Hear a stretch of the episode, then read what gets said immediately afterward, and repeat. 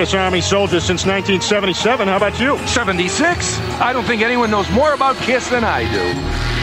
No, actually, I'm a farmer. I'm not sure I like the tone of your voice. Well, throw down if that's what you want. Name Gene Simmons' special effects mentor. Amazo the Magician. What high school did Paul Stanley go to? New York High School of Music. Paul and Gene's band before Kiss. Wicked Lester. What year did Kiss appear on the Jim Neighbors Halloween special? Quick question. It was Paul Lind and it was 1975. Now recite the magazine ad that brought Peter Chris to Paul and Gene's attention. Drummer willing to do anything to make it. Rolling Stone, October 1972. It's simple. Rock and roll.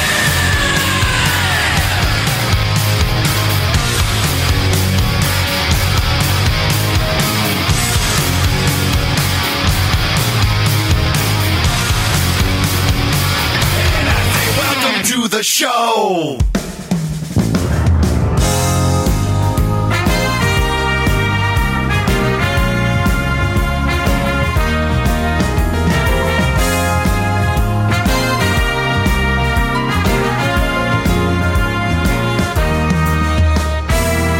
Look at the sky, it's crying.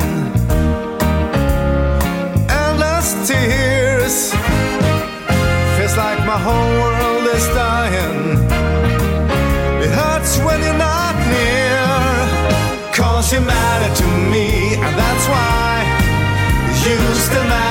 Me. And that's the only reason I need to get by. You still matter to me. Yes, you do.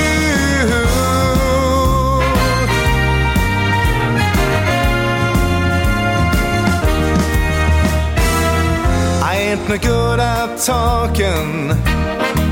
So, girl, I'm telling you straight. Heart feels like an oven. I hope I'm not too late. Cause you matter to me, and that's why you still matter to me, and that's the only reason I need to get by. You still matter to me, yes, you do.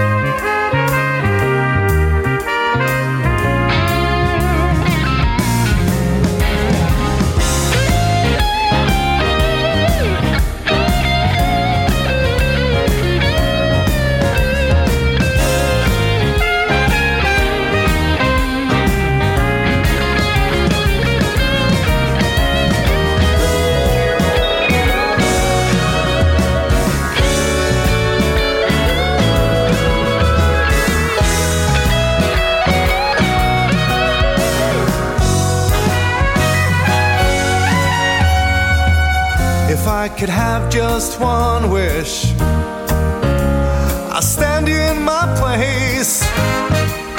Then you know how much I miss you. You will never be replaced, cause you matter to me. And that's the only reason I need to get by. Jæja, Bildar Ha, Það byrjuði það mjúkunótunum. Já, heldur betur. Deilis bara lífi í tuskonum Er það ekki? Jú, heldur betur. Þetta var náttúrulega engin annar heldur uh, hinn sænski svíð frá, frá Svíþjóð uh, Robert Haglund. Já. Ó, og hér ásamt uh, Bruce Kulick. Já. að spila hinn þekta slagara You Matter To Me af soloplötunins Peter 1978 Glæsilegt Það er svona förðuleg blanda fyrst mér, svona Bruce Kulick með því. Skrítið að velja þetta. Já, einmitt, en hann hefur nú valið annað. Hann hefur líka tekið Love Gun og fleiri. Já, já, já, já. Þetta er síðan 2018 uh, Það var diggur hlustandi sem bendi mér á þetta, ég hef ekki heyrt þetta. Ok, ok, ok. En uh, þetta, sem sagt, eins og ég segi er ekki fyrsta skiptið sem að, að hérna, hann spilar uh, kisslag. Mm. Því að hann gaf út þarna Love Gun líka árið 2016 Já, Já, já, Ég veit ekki hvað þessi Robert er gamall en hann er svona stutt komin á 50 aldurinn hugsa ég. Ok. Hann er eh, sem sagt gamall rock hundur og mikill kissari. Og uh, platan hann sem hann gaf út uh, I Wanna Be Somebody árið 2016 er hans eina plata, breyðskifa sem að hefur komið út svo fjölmarka smáskifur mm. með þess þessi plata mitt bera nafn með rendu sko. I Wanna Be Somebody. Já, já. Já, og hann hefur eittin tekið nefnilega lög með, úr smíðu David Lee Roth, Metallica Motorhead og fleirum. Já, þetta er bara að kempa Nei, er það ekki bara? Jú, jú, jú. Já, ég, það er gaman aðeins að, að hérna, Haglund. Já, já, já, Robert Haglund, aldrei gleyma því. Nei, aldrei. Finnir þetta á Spotify góður ha, er það ekki? Jú, jú, jú, bara ekki alveg. Já, Ég bara- bara... ég ætla nú ekki að gera þetta. En allavega stráka minni, það er þáttu nummer 56 Það er 56 yes, Wow. Við erum hérna seint á ferðinni, svolítið Já, með þennan. Já, Já, Já, þetta hefur verið daldið, hefur raðast daldið illa einhvern veginn klukkan Já. og, og þetta er ekki okkar aðalvinna náttúrulega? Nei, svona Það er að vinnan hefur aðeins verið að stíga inn í. Já, mér hefur sínist að menn hafa verið frekar uppteknir í vinnunni einmitt já, Undanfærið, undanfærið viku eða meira. Já, já, Já, já, svona með að menn bara ef það er ekki veikindi þá er það vinna sem er að slíta þetta í sundur. Já, einmitt. Hann kom hann smá skrokkauk tilbaka hann í þessu falið Það var aðeins kvittað þarna með smá olbúa skoti síðan þetta, hann fattaði ekki Nei, nei, hann, hann bara sér svopa á klaka og það heyri, var gott bara. hann hóstaði. Það fer ekkert sko. Nei, nei. það fyrir ekkert. Herðu, bylta mínir, þáttu 56 og að risa þáttur í dag. Við skulum byrja að kynna okkur, ég er Alli Hergjesson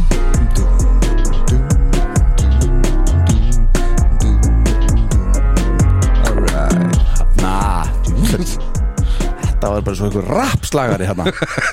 Þetta, já, Þetta var það? Já, þetta var daldið Já, Linda Starfóður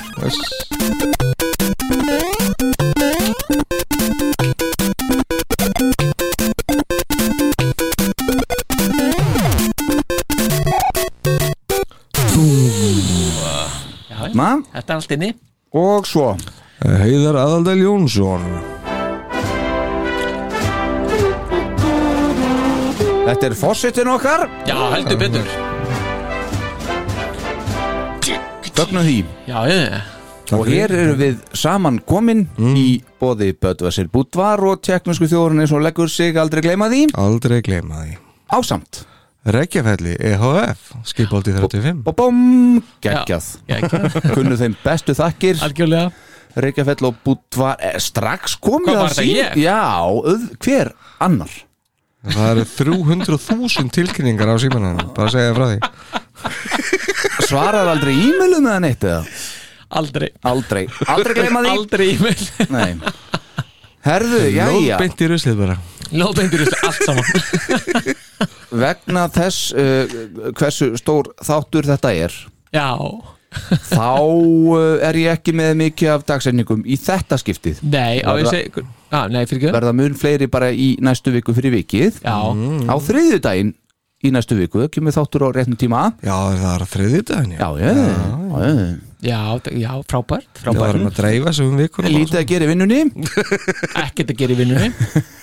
En hérna, ég get sagt ykkur það því að það er nú svona langt síðan síðast að þá hérna, þá var laug líkið upptúrnum hérna 17. mars Já, 1984 já, já, Já, þannig að við erum svona inn í þeim tímarama einmitt. Og það er síðasti náttúrulega eðlilega, síðasti, hérna, síðastu tónleikarnir í hánum vinni við okkar jú, jú. ég er með hérna upptöku frá sem, ég veit ekki alveg, ég var að opna hana það er aðeins að, veit ekki alveg hvernig hún hljómar en ég held, hún, hún er sögð góð. Já, að prófa þetta. Já, já, endilega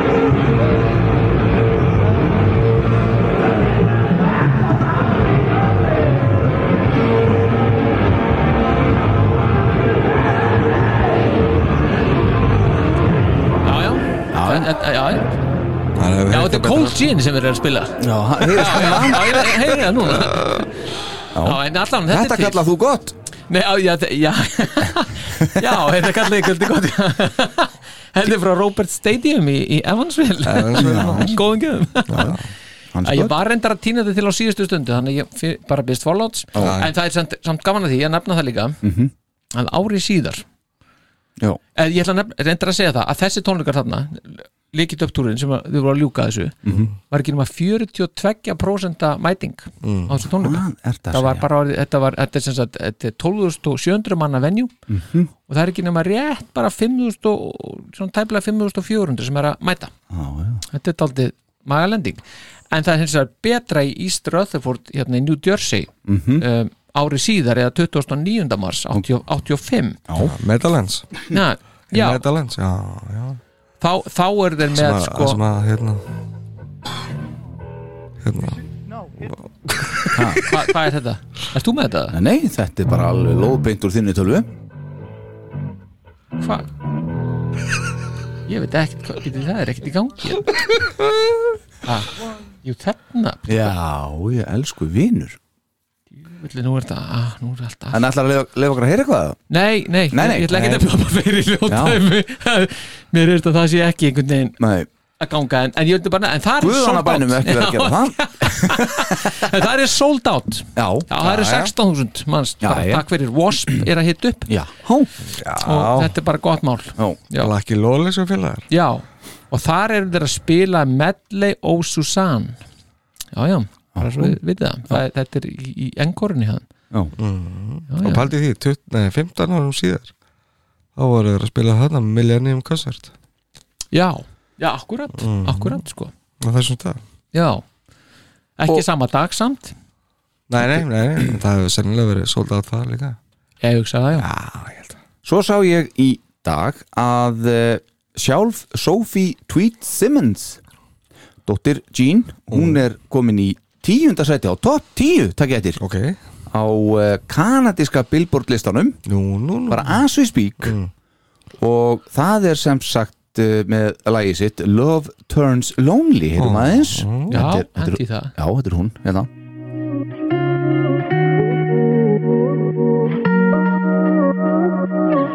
When I drive to your place, crash and burn, are we still okay? Lie just thinking about, thinking about you. Using words like a knife, palm of your hand sharp in the night. Alibis, but I got my doubts, I got my doubts with you.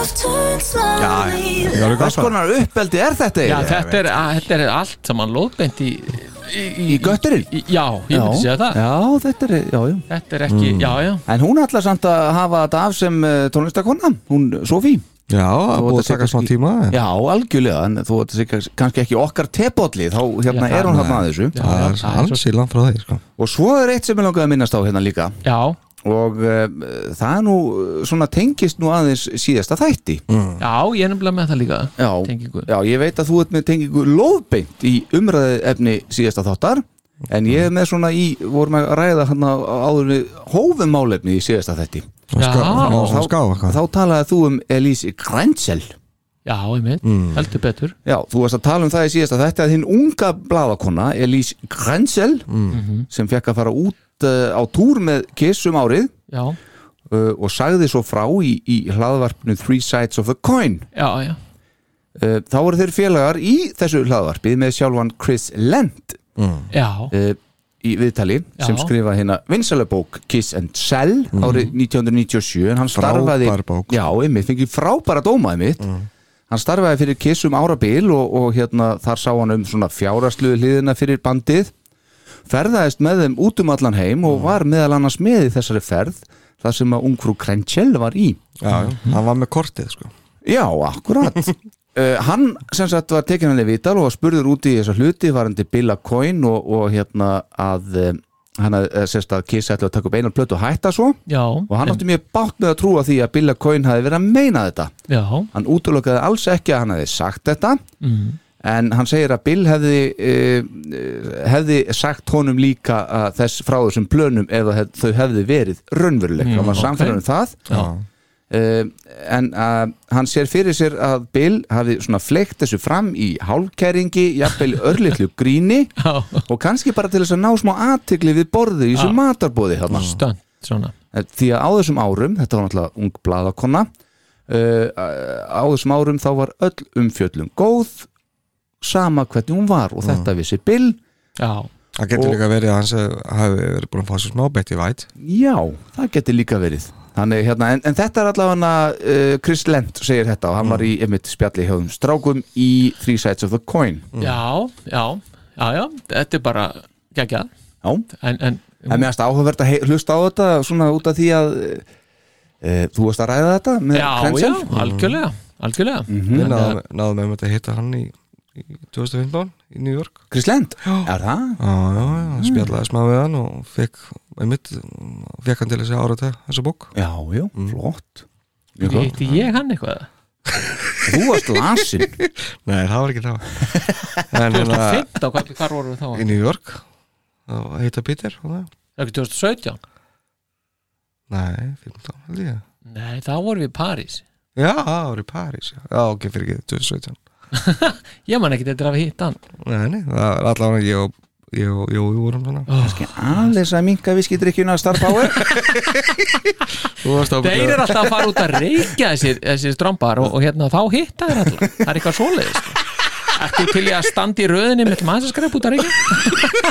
Það var við hittum G. Já, þetta er alltaf Það er þetta? Akkur, akkur komst ekki niður? Ég segja það, það er bara að borga sig að reykja man, Láttu ekki svona. Já, Já, ég ætla að byrja það núna. Já, aldrei og seint. Eftir þennan þátt byrja ég að reykja. Einmitt. Já, já, Já, nei, mér fannst svo að fyndi hérna og eða skemmtilegt sko, að því að sko, mér finnst nefnilega gaman á, á Facebook-hópnum okkar. Mhm. mér finnst gaman að fá yfirhalningu. Já, alveg, mér finnst að það er svo nöðsynlegt svona löðrung já, svona, svona, daldi fastan þéttan löðrung og, og hann var í bóði Örvars Bessasonar síðast. Sem var það sem var að tala með Going Blind. Það væri svo rosalega gott Já. á Unplugged. Ekki tölu við vitlisann þar. Nei, þetta er svo, mér þetta skemmtilegt vegna þess að ég sko, sko, mér finnst ég nefnilega í svona þáttum og ég veit nú ekki ég held að sé engin sammáli en mér finnst ég nefnilega að vera bóðbyrði sannleikan sín svona þáttum það er bara þannig. Og það sem að ég hef alltaf á tilfinningunni eftir hvern einasta þátt Já. að, að hlustandur hugsi spurningum að læra aldrei af reynslunni að þeir hugsi alltaf að það sé svo gott að það skuli einhver inn í sér stúdíó vera svona að tala einhverju viti. Já, já, Já Og svo lendi ég sko svona hryllilega í því. Já. En svo Veitir báts eiginlega- og bryggju. eiginlega alltaf. Já, já, Og mér finnst þetta bara svo fyndið það Því að ég trúi sér svo innilega. Já, já En þetta er hérna. Það er akkurat engin ástæð til að fara að trúa öðru. Ekki eftir allar hérna Allar póstana og Nei, nei, þetta allt er- þetta þetta er allt jákvætt, sko. Þetta er allt jákvæmt, já, já. En heyrði, en það var allan að þú fyrst að heyra það hana Já, mér fannst að ég hafði gaman að því Já, já. Og hérna, og mér finnst þetta Þetta er nöðsynlegt Þetta er það, Svo maður liftist ekki of hátt upp í heiminkól Við einhverjum, einhverjum sjálf, verði ekki of sjálfhverfur sko. einmitt. En talandi um það að vera Já. sjálfhverfur að þá er hérna plötudómur í, sem að ég bara hérna mundi eftir eftir þáttin hann að síðast, unplugged byrju, er, er uppsóp? Mér heyrist það nefnilega. Það er að vera að stefna uppsóp Já, mér Já. heyrist það. Þá stef? Fórskjál Kiss Army Iceland podcast Þarna Já, það er uppsópið Það er hérna uppsópið sko er, er, það er 19. april 96 Já, og ég man að ég satt út í bíl hérna, þegar var með DFF í sætunum og svona var, fór að kíkja á það. Og man ekki hvort ég var að býða eftir einhverjum fjáranu sko eða eitthvað. Nei, það er náttúrulega megin megin pontið í þessu. Hvað varst að gera? Já, það ekki? Það, það er aðalatrið Sann, sannleikur náttúrulega? Já, já, ég, ég veit ekkit já. Nei, en, en þá verð ég að fletta þegar ég að fletta DFF og þar kemst ég á blaðsíðu eitthvað sem, þar er tónlistar gaggríni Ok og ég er eitthvað, heyrðu, það er Kiss MTV Unplugged sem er verið þeirra dæma Já, heyrðu, útbrunnir, það er heitin ha? og svo bara, Hvaða dóni er þetta? já, nú byrja, nú byrja lestum Já, já. og haldið ykkur fast Aha. Ekki veit ég hvaða fjármála mógúla tókst að smala saman gömlu félugunum í Kiss en einhverjum sem gerði það tókst að skapa hinger, Hingerik já, Hingerik já, skrýmsli og vannvirða hinna máluðu Kiss stríðsmenn fyrri ára svo ummunar svo slæm er plata Kiss MTV Unplugged Það er þetta smartland eða? bara svara á eftir Lengi vel hafa gömlu kissmellirnir hljómað á öldur ljósvakans í þökk hlustanda og romantík hefur fyllt þessum máluðu, má, máluðu stríðsmönnum sem hljómsveitin eitt sinn var.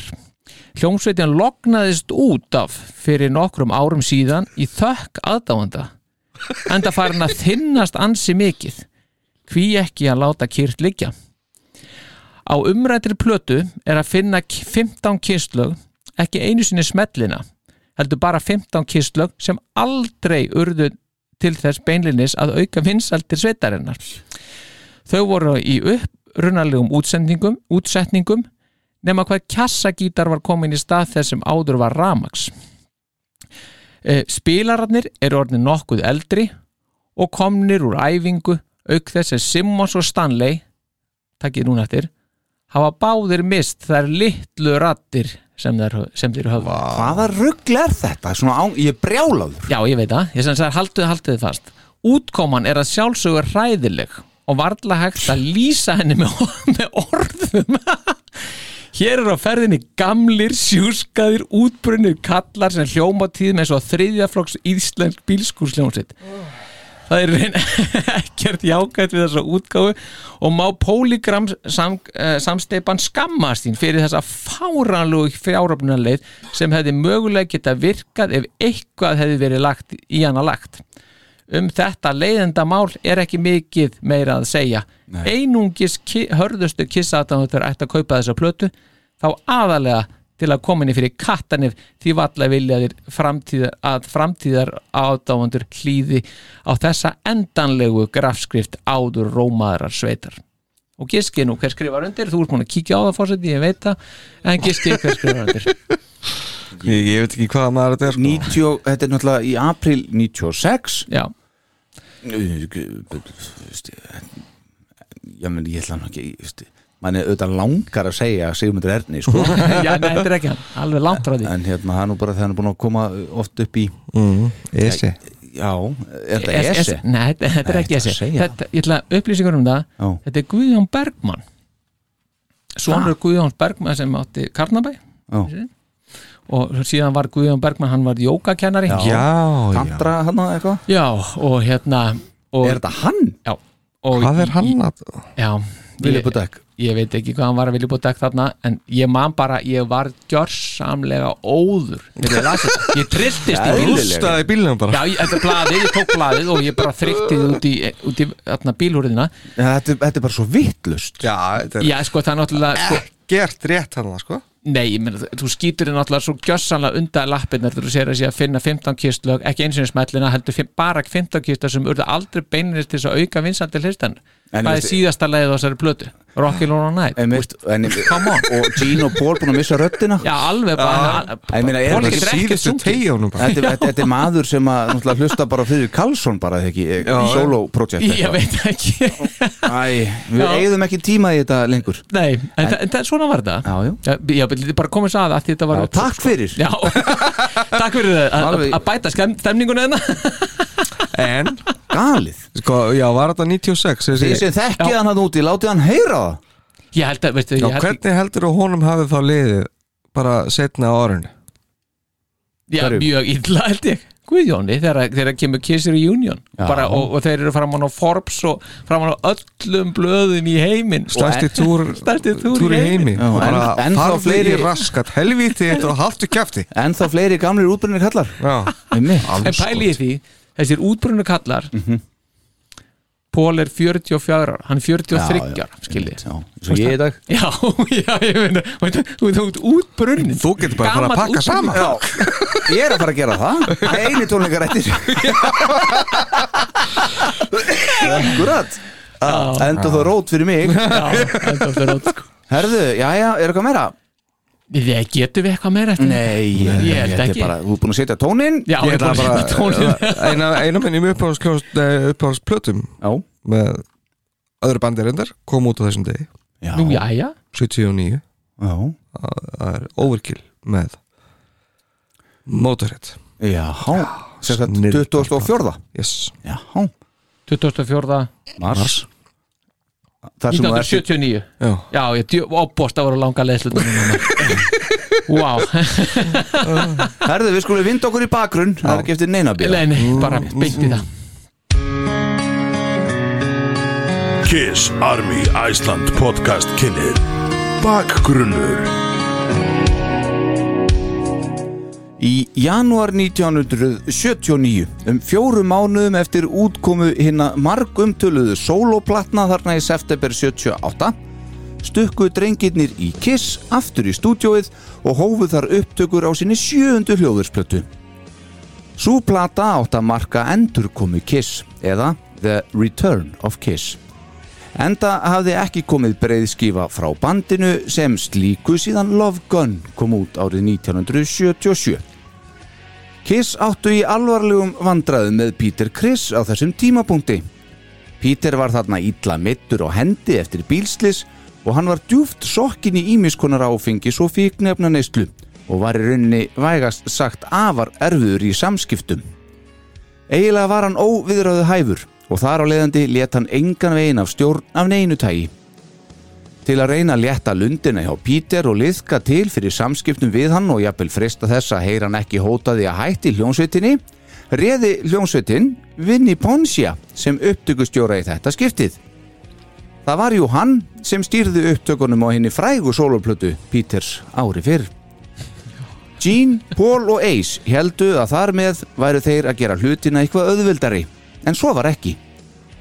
Það var nefnilega sjálfur Vinnie Bonsja sem fannst trommuleikur Peters ekki standa undir plötunni þegar að upptökur hófust sem endaði því að fenginn var annar trommuleikari sem þótti tölvert teknískari og gat hann þannig veitt Bonsja þann trommuleik sem hann vildi og bað um. Hér var annar maður á ferð sem kom að títnefndum sóloplötum frá árinu 1978. Hann heitir Anton Figg og hefur ansi oft komið við sögu í þessum þáttum okkar en hann spilaði auðvitað trómurnar á soloplötu Ace Sætla minninga. Anton Figg leik því öll lögin fyrir utan eitt því eina lægið sem Peter spilaði á þessari plötu var lægið sem hann einnig söng, lægið Dirty Livin'. Það var jafnframt síðasta kisslægið sem hann trommaði á einhverju plötu bandsins allt þar til Psycho Circus kom út árið 1998. Þökk sé þeirri miklu velgengni sem sóloplata Aus eh, Eis, ekki Aus Eis Naut var ásinn hér fullur sjálfströsts. Gene og Paul voru þá meðvitaður um að hann væri í einhvers konar uppáhaldi þarna á meðal Kiss aðdáðanda og letu þeir honum því ekki eftir eitt, ekki tvö, heldur þrjú lög til að syngja á plötunni einu lægi meira en dímonin og jafn mikið og sjálfur Paul Stanley. Ekki sem verst fyrir eitthvað sem hafði ekki snefil á sjálfströsti til að syngja eitt einasta lag hans örfáum árum fyrr.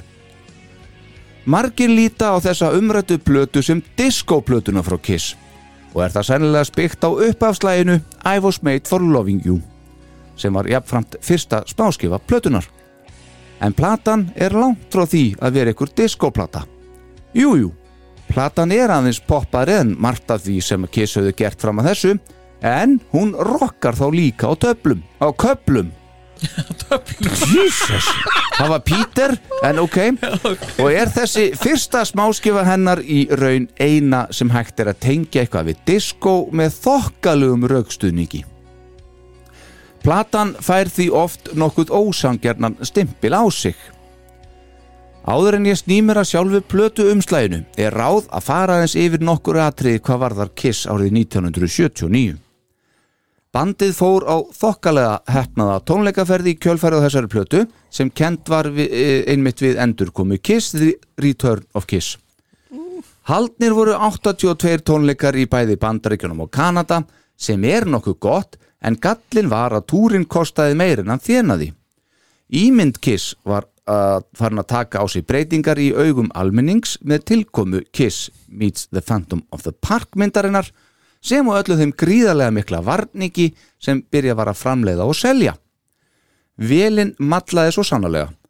Kiss voru eiginlega hugsaðir sem hljómsveit fyrir börn en ekki lögmætt rockljónsveit sem slík eins og áður var. Hér voru meðlumi Kiss farnir að sjá að megnið af áhörfundum á tónleikum þeirra voru einmitt börn í fullum Kiss skrúða, máluð í framann eins og goðin sín og í fylld með mömmu og pappa. Þetta fannst þeim auðvitað þó ekki rétt þróun og þrátt fyrir ágæta miðasölu þurfti reyndar að aflýsa átta dagsetningum sökum hennar, eða réttar að sagt sökum skorts á henni. Þó að Pítur hafi lítið spilað á plötunni, þá tróma, trómaði hann allar þessar 82 dagsetningar sem þó fóru fram. Það þýðir þó alls ekki að allt hafi leikið í lindi og því gengið snuðrulest fyrir sig. Ó nei, Pítur var erfur á þessum túr og hann var farin að taka upp á því að henda trommukjöðum í aðra meðlimi bandsins ef honum fannst þeir standa fyrir sér á sviðinu og þá leik hann sér að því að hraða og hæja á lögunum til skiptis eða einfallega að hætta tromma í miðju lægi, öðrum meðlumum til mikils ama. Allt þetta í bland við aðrar ástæður sem við svo sem vitum í dag urðu til þess að þessi túr var svo síðasti sem Pítur fór með Kiss allt til ársins 1996. En það var þó líka á þessum túr The Return of Kiss þar sem að Kiss kynntu nokkrar klassískar nýjungar fyrir aðdóðandu sínum. Nokkrar hverjar sem enn lifa góðu lífi í dag þó svo að stöngtið þar sem að Pól skaut leysir úr auganu sínu hafi ekki verið langlíft. Þar má nefna fljúandi dímonin og gítar Spacemannsins sem bæði logaði og skaut leyserskotum að loknu gítarsólui. Margt var sem sagt reynd en Kiss fundu hér að þeir voru að renna út eða eins og Pól orðaði svo vel, hjólinn voru að losna undan rútunni. Kiss voru að líða undir lok eins og heiminu þekkti þá og það pyrraði bandið að Billa Coyne umbásmaður þeirra var farin að eyða meir og meiri tíma í önnur bönd sem hann var að sæna í sífellu með tilhörandi auknum kostnaði fyrir á Coyne Management. Þannig voru Kiss farin að fá minni og minni aðtigli frá Bill en dróðu þó vagnin áfram hvað peningalega innkomi varðar fyrir kallin Bill. Þá skulum við aðeins tala örstutum plötuumslæð sem er að mati þessum hér talar frábært og eitt af þeirra flottustu. Þarna er búið að bæta við lit í make-upi hjá þeim Ace og Peter og þá eru Gene og Paul engar vel málaður. Þetta er mynd sem er algjörlega in your face og maður gat því eitt heilu klukkustundonu við það eitt að rína í það á unga aldri. Búningar þeirra á þessum tíma höfðu líka tekið breytingum og klættust þeir allir að, þeim, að hluta þeim lit sem umleik höfuð þeirra, þeirra hvers og eins á soloplötunum 78. Gene var komið með rauða skikju, Paul var komin í einhverja fjólubláa blússu, Ace með bláan lit í sínum búningi á höndum, fótum og bringu og loks var Peterinn klættur í einhvers konar grænan loðfeld. Inn í umslæðinu mátti finna stórt og mikið kissplakat og þá var pöntunarform þar sem að aðdáðundur gáttu panta sér ímiskonar kissvarning frá Kiss Army. Platan Dynasty sem kom út þann 23. mæ 1979, hið frábæra ár er plata þáttarins að þessu sinni húslestri er lokið. Yes. Takk fyrir, takk fyrir. Dankeschön Við þakkum alla ræðumanni fyrir þetta. Jæja, takk fyrir það. Innilega, Gekja mjög gott. Gaman að hérna nefna þetta með, með umslægið sko. Já, um, Ég var að koma úr hérna samtali við Volok, Dennis Volok sem að var hérna artmanagerin hjá þeim. Já, og það er svolítið skemmtilegt nefnilega þessi sko sögurnar sem hafa verið til um þetta hvernig þetta er sett saman sko. Já. Þetta er ekki einn taka. Þetta er, þetta er nefnilega er ekki einn taka og, og það hafa voru hérna það hafa verið hugmyndur um það að þetta sé bara, það sé, þetta sé bara hundruður eða þúsundir pústla sko sem hafa verið settar saman. Og, og hérna en ég hlustað á Volok segja það núna rétt á þann að þetta er, það er bara alveg stórlega íkt Já. og hann, hann rekur það til bókarana með Kiss and Sell eftir Chris Land að það hafi kannski verið svona heldur ónákvæmt hjá honum að það geta eitthvað gefið tónin að þetta miklu, hafi verið miklu miklu meiri vinna í kringum þetta heldur nú raunverulega var. En það er búið að púsla þessu saman og maður getur séð til dæmis ef maður, sko, maður horfir á myndirnar úr sessjóninni þá getur maður séð til dæmis að make-upi hjá Peter þetta græna það er alveg jafn, það er jafnt sko á báðum augum á þeim myndum en er það ekki fram á plötunum bara sem, sem, sem dæmi sko. langt frá því sko mjög langt frá því að vera og, og það voru einhverja vangaveltur um það á, á sínum tíma hvort þetta hefur verið gert svona með hérna, svona til að refsa Peter sko, til að sína hvað hann væri skakkur að hafa þetta svona vittlust Mm. og ég man að þegar maður var að draga þetta upp á sínum tíma hérna í gegnum svona papír svona, Sér líka, sér líka sko augun og, og eis sko. Já, Þetta er hérna uppi. Þetta er hérna bara lengst niður í já, já, já þannig að maður tók eftir alltaf með Peter að, að þetta var misjamt og mann fannst þetta pínu skrítið. Svo var eitt mjög áhugavert líka að það er hvernig munnsipurinn á Jean er. Mm. og þetta var svona uh, hérna pæling sko. Að þegar á 1979 þá er Jean farin að setja hann er farin að fókusera miklu meira á það að, sína tennurnar í neðri kjálka heldur en efri. Já, já. Mm. og það var verið að pæli því sko að það, að því að hann var, var með spángir og sem sagt, já uppi á, í efri gáma og hann sé sem sagt að fela með, með, með vörinni þá sem sagt spángirn og þess vegna er hann með, skýtur hann svona neðri kjálkanum hérna Hann er náttúrulega sko, sko. early Gene er með bil hérna á framtennunum til hliðar Akkurat En hann er að svo ekki sko, setna meira en þetta get alveg já, sens og það er alveg myndir til af Jean þar sem að maður getur séð spangirna sko, Já, já. sem eru tekna bara svona hérna, hann er eitthvað, veit ekki af því sko. Já. þannig að það, það er á, áhugaverð mm Mhm.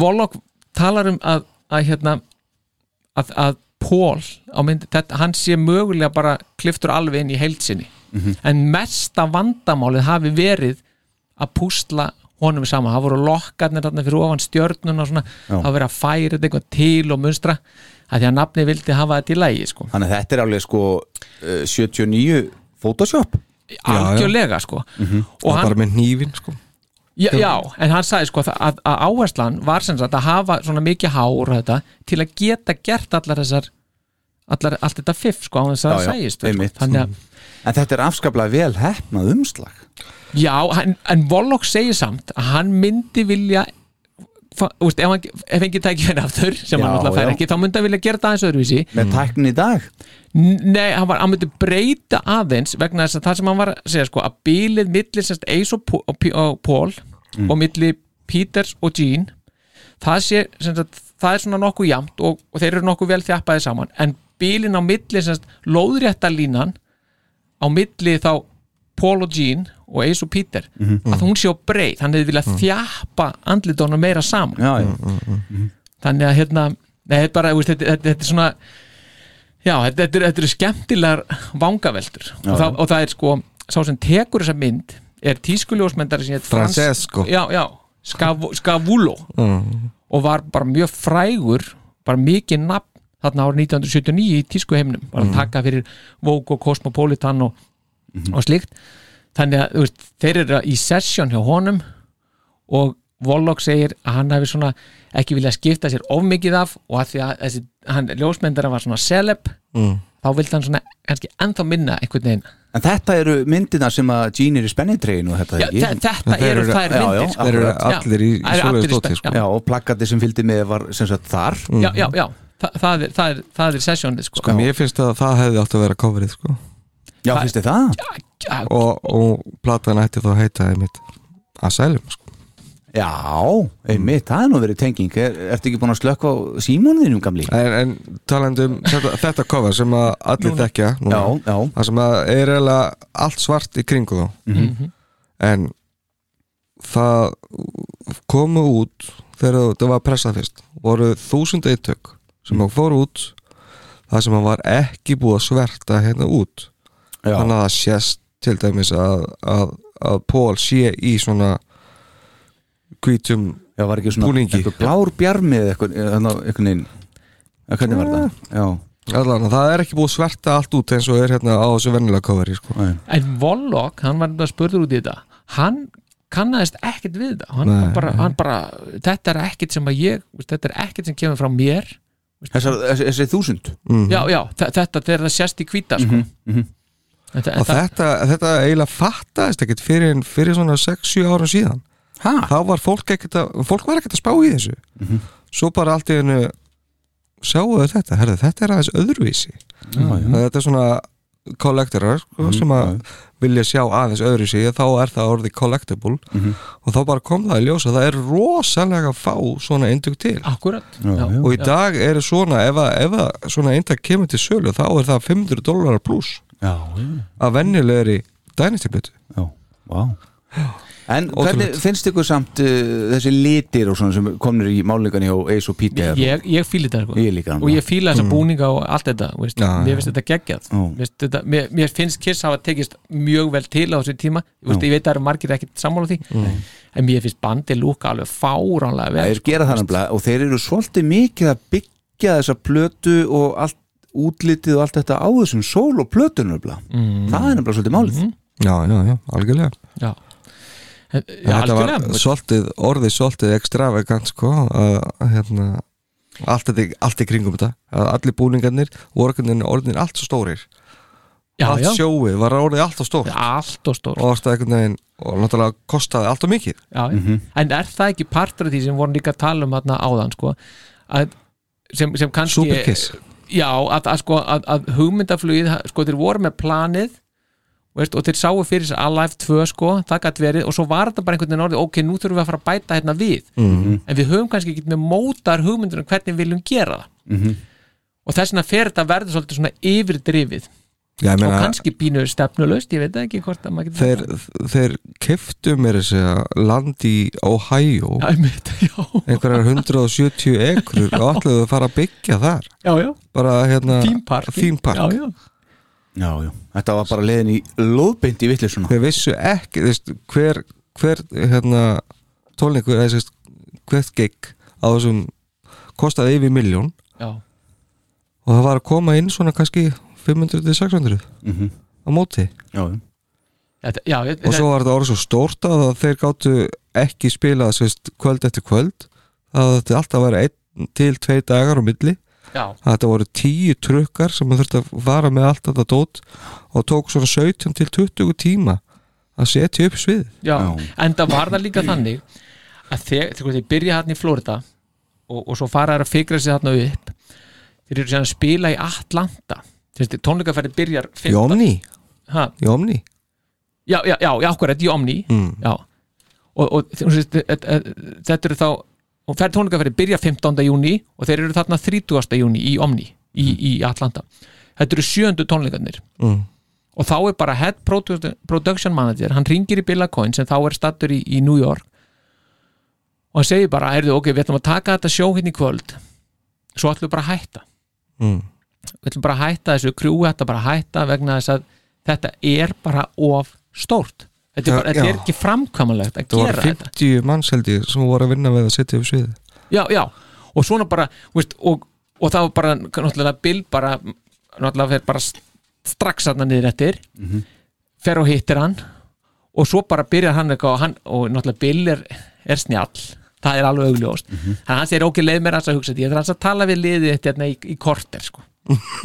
leið mér að tala við, ég þarf að tala við korter, korter, og þá komst hann að því að sko að það þurfti að synkronisera krjúi, það, veist, að, það, þetta, var, í þetta var svo stórt og, og, og hver hluta krjúinu sá bara sinn part og það vissi enginn hvernig krjú hvernig sjóið leit út í heilsinni sko. Þannig að það var einhvern veginn farið svona í gegnum það og labbaði í gegnum þetta þarna í omni og einhvern veginn sem sýnir nú kannski bara snildan hjá honum tókst honum að halda þessu, þessu krjúi saman sko. Og, og sem, sem fylgdi þá hérna fylg, fylgdi þá út bara túrin því að hann alltaf sá fyrir sér að, að það verður ekki, þú getur ekki slaufa bara, þú getur ekki tekið einhvern kistúr bara og satt herrið við um hættir, Þú veist, þetta er búið að kosta miljónu dólar að Já, koma þessu upp.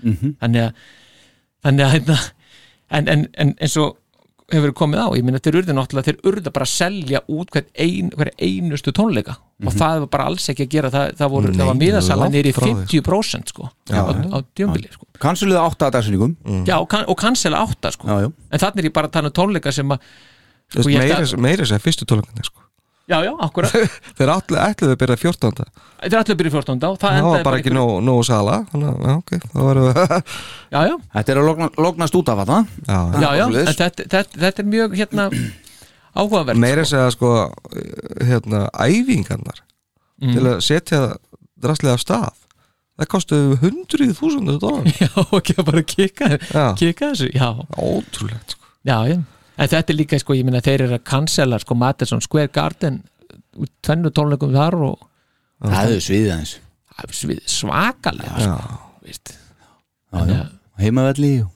já, ég minna, það er bara þarna þetta er bara komin í himnaríkið, sko. Mhm. þannig að En uh, mér finnst platan frábær.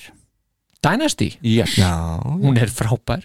Og það var erfitt að setja upp uh, stig að fara í stigagjöfina. Það grínast það. Var rosalega er, erfitt.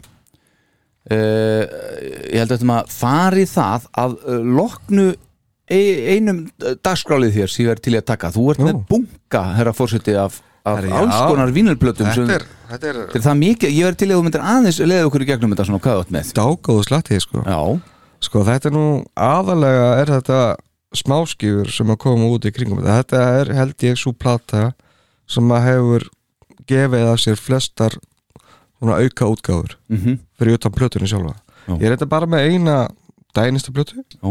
sem er reyndar áreitið af Peter já, og er hérna með þessu pöntuna fór mig góða og, og, plakatið. og plakatið. Já, en, en ég er að velta fyrir mér með plakatið. Mm. það, kannski, veit, bara hlustandur til að googla þetta, þetta er, þetta er náttúrulega bara svona promoplakat sko, náttúrulega mjög þe- vel tækt er þetta myndin af Ace, Peter og Paul á þessu plakati?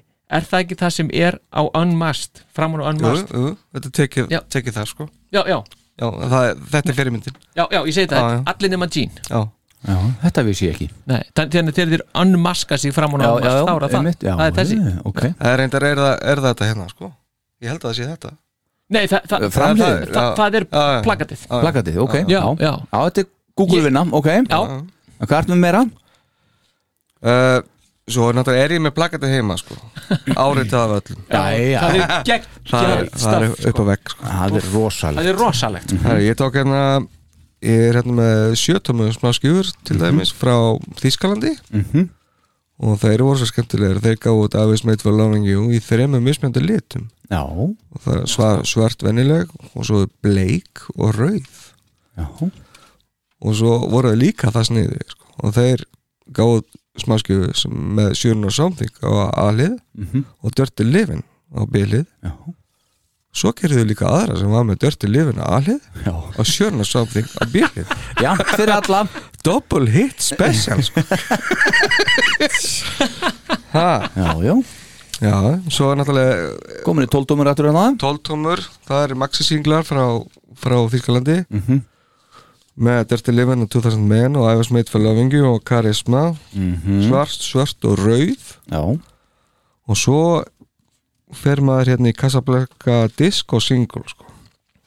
elska þetta logo hérna á Casablanca, þú veist, þá erum við að tala um allt dæmið úlvaldan og allt saman. Já, já, geggjað. Já, það má náttúrulega segja það að, að það er í fyrsta skipti í ákissferðlunum sem að leipillin á Já, plötunni er ekki Casablanca. er ekki Casablanca. Já, já, það var custom label bara með já, myndinni. akkurat, það kemur um þetta á þessari blödu Dynasty. Já, uh, hérna já uh, 12 með single One Side Single uh, Special Promo það sem að I Was Made for Loving You er. Náttúrulega radio nei, þannig að sérst, single promo editið á I Was Made for Loving You á þessum blötum er 7 mínútur og 54 sekund Akkurat, ég, ég vissi það ekki fyrir bara fyrir nokkrum dögum. Já, það ekki? Nei, Þessi venjulega útgáðan er 4 og hálf mínúta akkurat, akkurat. Nei, við skulum bæta við næstu fjórum mínútum á þetta. Já, í radio editið Já, radio Já. Það er alltaf verið að spila hérna mítlo þegar við komum til að fara á klóstið Herra, svo er ég hérna með nokkra frá Mexiko Það er ein rauð og ein græn. Mhm. og, og, Hólur í og umslaginu. gul, já, til þess að sína þetta sko. Litin. Litin Já, maður. Og já, og rauð. Og svo er hérna með frá Breitlandi Pie Records. Það er þryggja laga singull Mhm. með 2000 men á fyrstu hlið. Og svo er I Was Made og Sjöna Something á bjöliðinni sko. Já, einmitt. 2000 menn á bresku útgáfinni já, svo er ég, svo er ég með stóra Dirty Living og Mm. Sjöna Something frá Fraklandi það sem er, eru alveg superkiss mm. og svo aðrar hérna frá Fraklandi það sem er einmitt litaður vínil Já. rauð og blá og græn og gul. Og coverið á þessu sem þú heldur í núna er svolítið svona 79 diskostemming Já, ég meina að þetta stendur bara disco. Fólk að dansa hana niðri og... Já, já Gaman að þessu, algjör snild. Þetta, er- þetta er rosalegt. Já, þetta er eigulegt og þetta er bara brota brota því Já. sem að fórsetin á heima brota þessu. Það var gaman, ég skal bara reyna að setja saman einhverja mynd fyrir, fyrir, þátt, eða fyrir þennan þátt á eftir. Gleimur þú svona okkur þarna? Ég, ég get passað þetta fyrir þar, ekkert má þú getur líka sett þetta bara í skótan þegar þú ferð Já, sko. það er skótin, já. Ég get ekki passað þetta. Hann lítið vel út, sko. Herðu, þá skulum við fara í stiga gjöf. Já, Sko, ég ætlaði bara að taka það fram áður við förum í það. Mhm. að sti- sest, einhverna gefir á þessi lög mm Mhm. endur speklar alls ekki sko, hvað manni finnst um þessi lög sko. Sammála, þetta var ógæðislega erfitt Já, Ég, Já, ég, það? stað, já, ég gat staðsett neðstalagið mjög auðveldlega.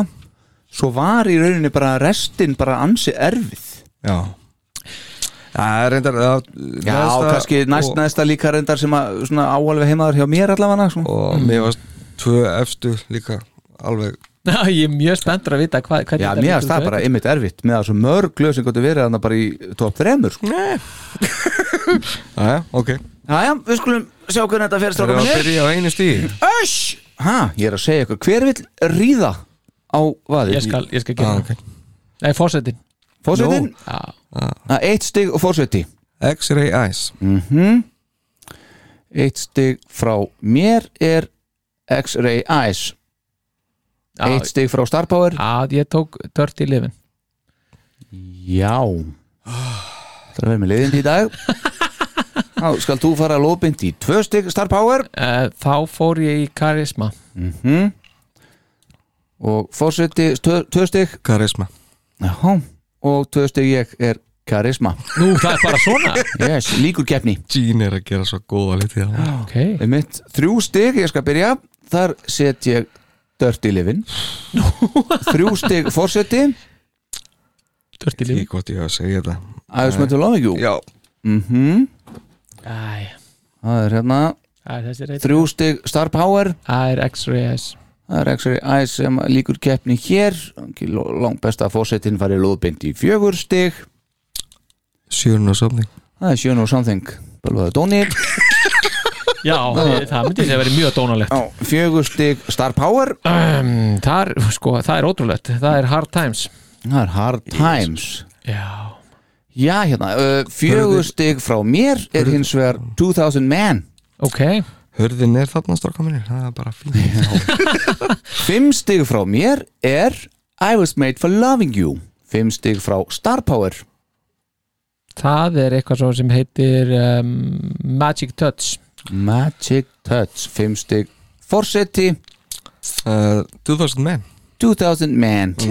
Alright Sex stig Star Power. Uh, 2000 Man. 2000 Man líkur keppni hér. Sex stig frá mér er Save Your Love. Ó, já, já. Sex, nei, já, það er allir konar með sex eða Nei, Nei, ég á eftir. Ok fyrir ekki. Dirty Living Dirt 11, líkur keppni hér. Halleluja. Sjö stig fórseti Hard Times Hard Times. A dead and gone. Sjö stig. Star Power. Uh, I was made. I was made for loving you sem líkur keppni hér. Sjö stig frá mér sjálfum er Sure Know Something. Já. Átta stig, ég skal taka það. Þessir. Þar er Hard Times. Átta stig. Star Power. Sure know something. Sure Know Something. Átta stig. Forseti. Magic Touch. Magic Touch Það þýðir á nýjulega plötu að nýju stig frá mér er Magic Touch. Nýju stig frá fórsetunum er Save Your Love. Nýju stig frá Star Power Sí er Save Your Love sem að vinnur þessa kostningu hér Bara rétt kostning Já, er það? Já, mögulega. Eins og Sko, segja, mar- margt sem að koma til greina að mínu mati. En sko maður getur samt eiginlega ekki verið neitt reyður yfir. Nei, það er nokkuð, þetta er ekki svona Nei, veist, þetta er veist, Já, þetta er svona í dag sko. Já, já, einmitt, svo er að ég sagði fórsenda fyrir upptöku líka sko, svo er spurning bara, svona líður mér í dag. Já, þetta er daldið mikið þannig. Já, Fyrir já. utan síðust neðstu tvö sko. Já. veist, Eitthvað svona. Einmitt. Akkurat. Uh, Fyrsta sætið á þessari plötu samkvæmt þættinum er Save Your Love og annað sætið er Magic Touch og þriðja sætið er Sure Know Something. Já, Já, En við byrjum næst og við förum lóðbeint í níunda sæti. Já. Eitt stig frá mér, eitt stig frá fósitónum þrjú stig frá Star Power Já.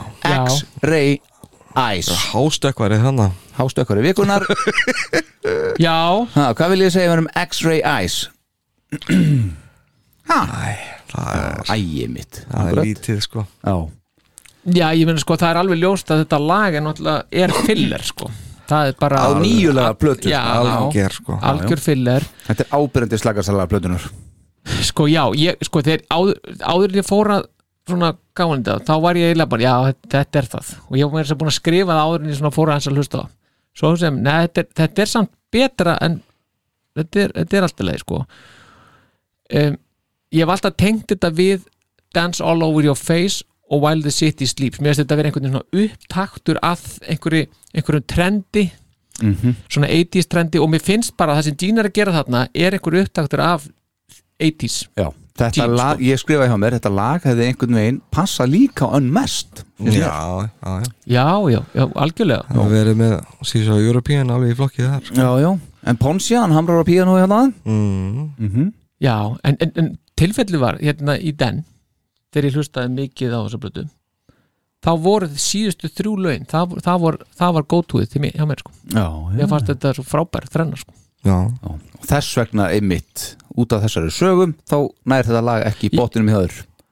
Já, já, sem það uppalega ég held að myndi gera, en það sem er sko, mér, mér, fannst, mér fannst eins og þetta svona, að þetta er svolítið kraftlöst en svo er það bara alls ekki. Mér finnst þetta ekki kraftlöst lag Nei, skilur ok. Og, mér, og það sem ég finnst bara gera sig í þessu lagi eru bakræðina mér finnst það ógislega flottar og sérstaklega hérna í loka bara þegar í loka já svo náttúrulega þegar átrónu maður heyri leysirinn sko já, svo Það kemur það náttúrulega þegar, þegar kemur þarna svona Já, já. en mér finnst þetta bara, mér finnst svona lagið En ég meina, guys, þetta er bara annað lagi frá Gene. Já, já, já. Já, já, ótrúlegt hvað Hann er ekkert voða virkur hann, ég meina, hann, Hann er hann spilar alveg andlaus, bassan í uh, allur gangur hvað menn segja það reyndar í þremur til fimm lögum af nýju og syngur bara tvö. Já, og svo er verið að tala um sko að því fókusin náttúrulega á Pítur að hann hafi ekki lagt mikið sem hann náttúrulega gerði ekki. En mér finnst ekki það verið mikið talað um að, að ok, Pítur er Pítur en Gene er líka Gene. Já, já, mm. veist, þannig að maður býst til meiru einmitt heldur en að hann sé að spila á kannski mestalagi allra mestalagi helming, platan, nei, helming lagana og hann nær því sennilega ekki hann er sennilega að spi- spila á þremur. Já, en er, já, er, er hann ekki bara í einhverju stuði hann bara Ross og Sér og eitthvað? Jú, bara einhver allt öðru dæmi? hann er bara að fara í Hollywood eitthvað dæmi og, veist, og bara kannski orðin pínulegur á þessu og finna þetta sér þetta fjárundan eins og Pítur leðilegur og allt þetta. Já, já. Veist. en það er ekki mikið í þessu maður. Nei, það er ekki mikið í sögu að heyra aðeins svona höldar fram já, hlusta bara á endan sérstaklega. Já, byrjum á byrjunni já, já, ok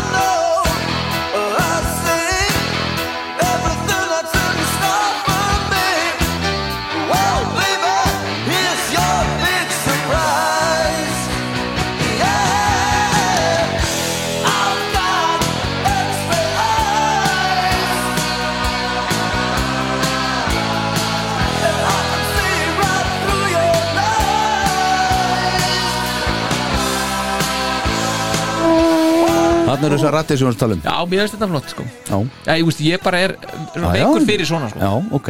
En hvað er í endanum? Hva- Nei, bara og tekur ekki kannski alveg hérna er farið hérna að hinga. Já, ok, bara þegar við verðum en, Já,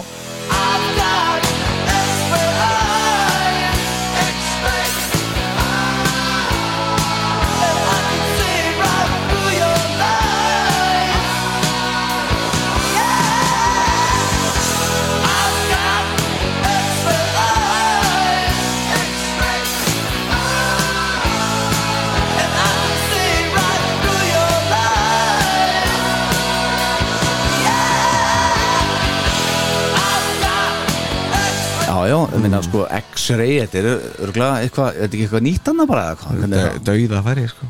Nei, þetta er ekki. Nei, Nei, ég veit það nei, ekki þetta var nú að vera eitthvað Já, já það, er- það er komið en þetta er Supermannin og eitthvað svona. Já, já, Já, þetta er svona, veist, þú ert með svona augu ég meina, já, já, akkurat. Veist, það I er can see right through your Nú kemur eitthvað spjallið sig eitthvað meiri hálfið þannig X þetta var fundið upp 1948 eitthvað svona. Nei, það er endar örgulega búið að finna það En allavega þetta var uh, níunda sæti Já, en ég meina hvernig finnst ykkur sko, bara 0-10, hvernig finnst ykkur þetta lag samt vera? Veist, er þetta bara þristur eða? Nei, nei, þetta er ekki, nei, nei þetta, ég myndi segja, þetta er alveg fimma sexa sko. Já, já, já, ok, Fimm, já, sex, já, Já. fimma hjá mér Já, ok. Já, en, Sko, öll lögin á platan, hún gengur hjá mér svo, ef ég er að hlusta á plötuna, sko, ég þarf ekki að skipa henni, sko Nei, þú skipar enga á Nei, þessari plötu ég gerir, sko. það var alls ekki. Nei, ald, nei, nei, nei. Mér finnst þetta frábær plata. Já. Hún er nefnilega mjög góð og það komið svo óvart þegar ég setti saman einhverninnar Já, bara, vá, er hún svona geggju góð, ég fór að lækka þér, mér finnst þetta bara óeðlega hátt. Já, já, en hún er, hún er mjög góð. Ok, uh, þá skulum við fara í uh, Næsta, næsta G-lag Eða hvað? áttunda Já, sæti Það, Já, Gene er bara á botninu strákar, ég er að segja það Já. rétt jáður fórseti hann er það svolítið er karisma. Þetta er uh, tvö stig frá mér, tvö stig frá fórsetunum og tvö stig frá Star Power. Já, já. Þetta er náttúrulega sko. ha, En heilaða þrenna Já, akkurat. Já, Og þetta er náttúrulega uh, fyrsta lagið á bjölið já, hvernig finnst ykkur það sem finnst að lág bjölið? Það, mér finnst það ekki ganga.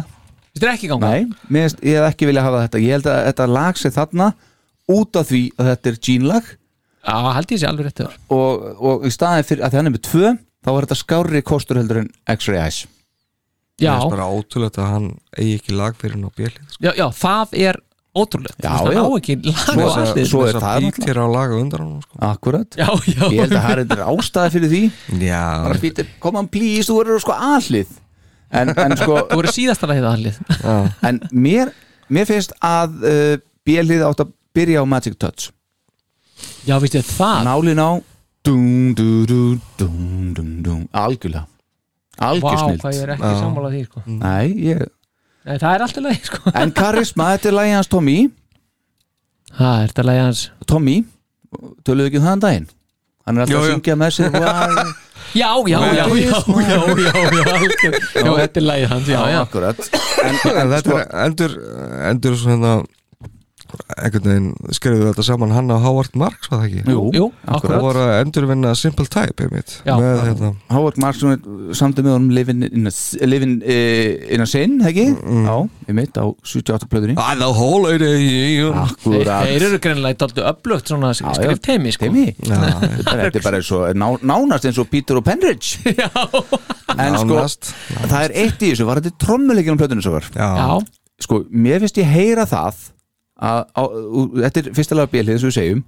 Þú heyrir að þú kveikir á bjöliðinni að Anton Figgar að tromma. Já. En þú heyrir það ekkert endilega á aðliðinni Nei, ekki eins, sko, það, þú heyrir það þarna bara þessi byrjun. Já, já. Og svo margt á allir í bjöliðinni algjörlega, algjörlega. En hann, fyrir ekki, svo Já. Mm, aðeins bara klára það. Mér finnst hann einhvern veginn fara lengt með á líkir eftir Píternum einhvern veginn á aðliðinni eins og það hefði bara verið fyrirmælin. Þannig að Nei. Við vitum alveg hvernig Anton Figg var að tromma á, á Ace Ace. 78 skilur Hann Setti var ónýtt eftir lægið sko. Hann fekk, fekk mikið frelsi til að spila eins og hann vildi gera sko. Já, þannig að maður tekur, það bara, tekur nú bara strax eftir á, á fyrsta lagi og allir að þetta er ekki Peter sko. Já mér, mér finnst það alveg geta gengið upp sko með þetta sé Pítur á aðliðinu sko, veist, þannig.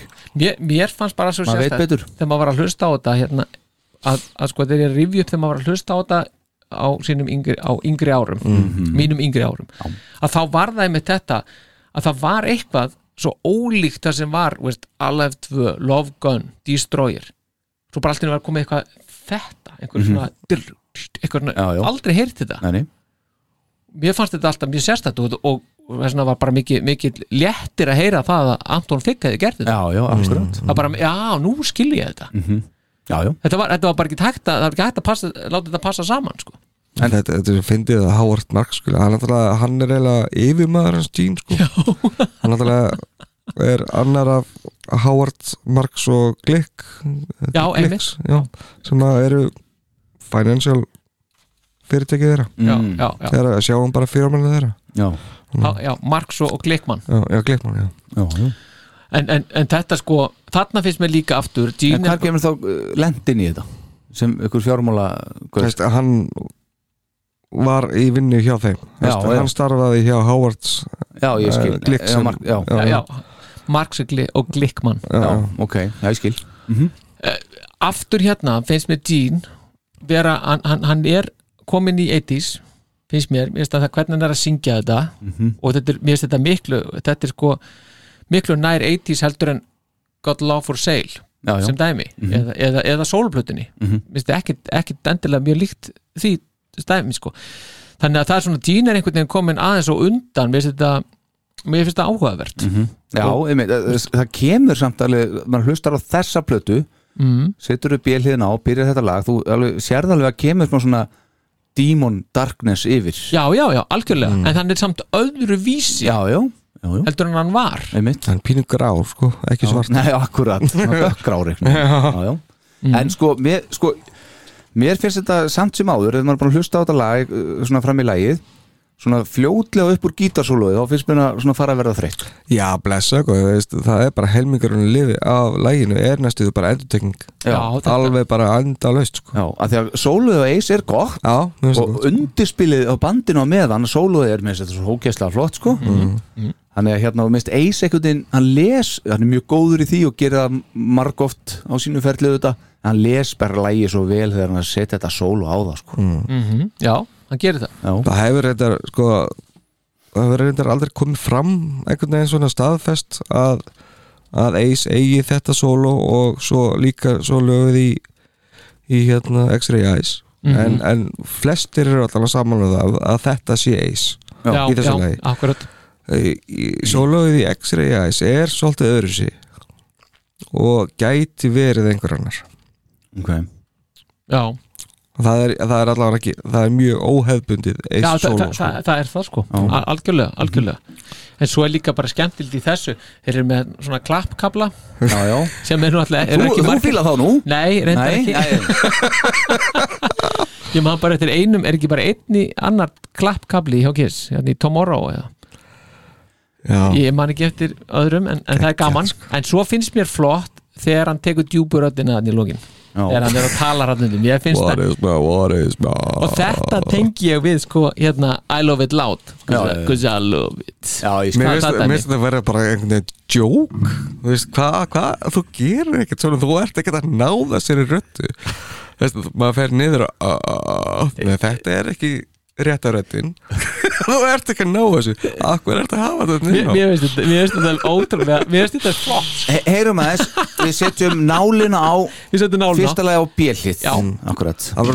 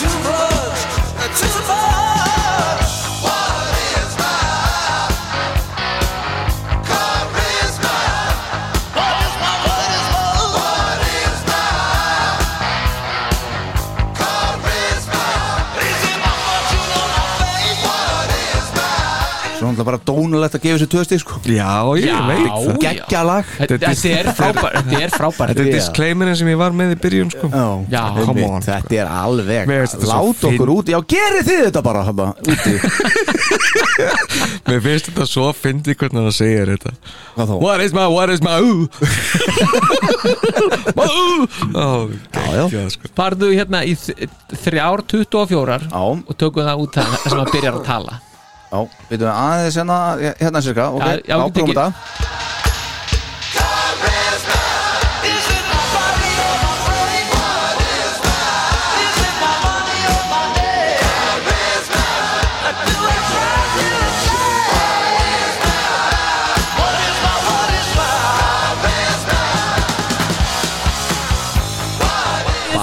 litla breyk þegar að koma inn hérna og sko hvernig takturinn byrjar Það er ekki sjens að sé Pítur sko. Nei, ekki að ræða. Bara þetta er svo æðislega bassatróman í byrjunin Já, Já, Geggjað sandaðaninn finnst mér. Já, já. Hún er svona blöyt Sko, mér finnst öll platan vera löðrandi blöð sko Já, já, Það er bassin og allt saman Mér sándi á þessar plötu, mér finnst það gegn það er, það er rosalega, rosalega gott sko. að ég er eitthvað að sökka fyrir því alveg þvílíkt sko. Ég meina, þetta er bara- svo, svo mikil synd að, að fólk skuli bara tengja þetta við þetta eina. Já, það er bara Það er rosalega rosa. mikil sinn Já, Það er rosa. En þið sjáu sko hvernig sko, þe- þe- þetta lag mér, mér finnst að vera bara eitthvað allt annað bara þetta lag með það sem er komið undan frá tín Mhm. er bara eitthvað allt annað Þetta er svo geggjað töff lag sko. Já, ja, akkurat, þetta er svo töff lag þetta er orðið veist, þetta er svo bara, já, þetta er bara allt annað, svo ég segi þið þetta er eitthvað allt annað Mhm. og svo er bara textanir, þetta myndist með einhvern tímann á það Það er eitthvað ego tengt á það já, í báðum þessum Já, já lögum eru, veist Já, já, það er annars vegar bara að hann er þjakaðar að hvað hann er mikið hérna. Já, já, frægur og, og ríkur og allt það. Og hinn, í hinnu þá er hann bara með augu sem sjáu gegnum allt sko. já, já, akkurat. Hann er, Þetta eru menn sem voru búin að vera opna þýmpark, ekki glemma því. Já, við- akkurat og það endur speglast þarna. Já, Veist, bara, svoleiðis. já, já, svo kemur hann bara með eitthvað sorp veist, inn á plötuna þannig lagat Já, já. með við restina af henni. Það var við hana. Sko. já, já, Gín, þetta ekki með, ef- þetta eru nýju lög, þetta ekki með eitt? Nei, ég er bara blankur, sko. Ekkert Já, það er skrítið. En samt segir að það hafi verið sko keppni um það bara, veist, menn hafi komið með hérna eitthvað dót og svo hafi bara verið valið sko. Út, veist, það hafi allir verið að reyna að koma sem flestum lögum inn á. Ég man ekki hver var að segja þetta. Svona, leið mér reyndar aðeins að efast um þetta í, til, í, hérna til uh, varandi Jean sko. Okay. Já, já, veist að hann hafi nú verið að leggja mikið svona. En já, Þá fyrir við í sjöndasæti hvað er það já? Það er Dirty er Chrisarinn, Chrisarinn. Henrich. Og einhver vil nú benda, bendla Ponsia við þetta líka, ég veit nú ekki hvernig, hvað er til í því. Nei, ég hef nú ekki skráður á blötunni held ég sem laga hundur. Nei, nei, nei, hann er ekki skráð þar Nei, en þarna erum við að tala um loka lag aðhlýðar, Pítur nær nefnilega inn á aðhlýð Já, sem er gott hjá hann hann sagði hann hætt Já, sennilega. En, en þetta er náttúrulega eina lagi bara sem að skartar kattmanninum trommum og söng. Þetta er ótrúlegt sko. þetta, er svo, þetta er svo írónist að hann skuli hafa fengið Vinnie Ponsia til þess að er gera þessa plötu og svo bara, nei Vinnie Ponsia Nei, vinnir, þú er bara ekki nógu góður. Já, veist, og Vinni Ponsi þeir eru með kannski verið vel, vel til vina þegar þeir tóku upp þessa soloplötu mm.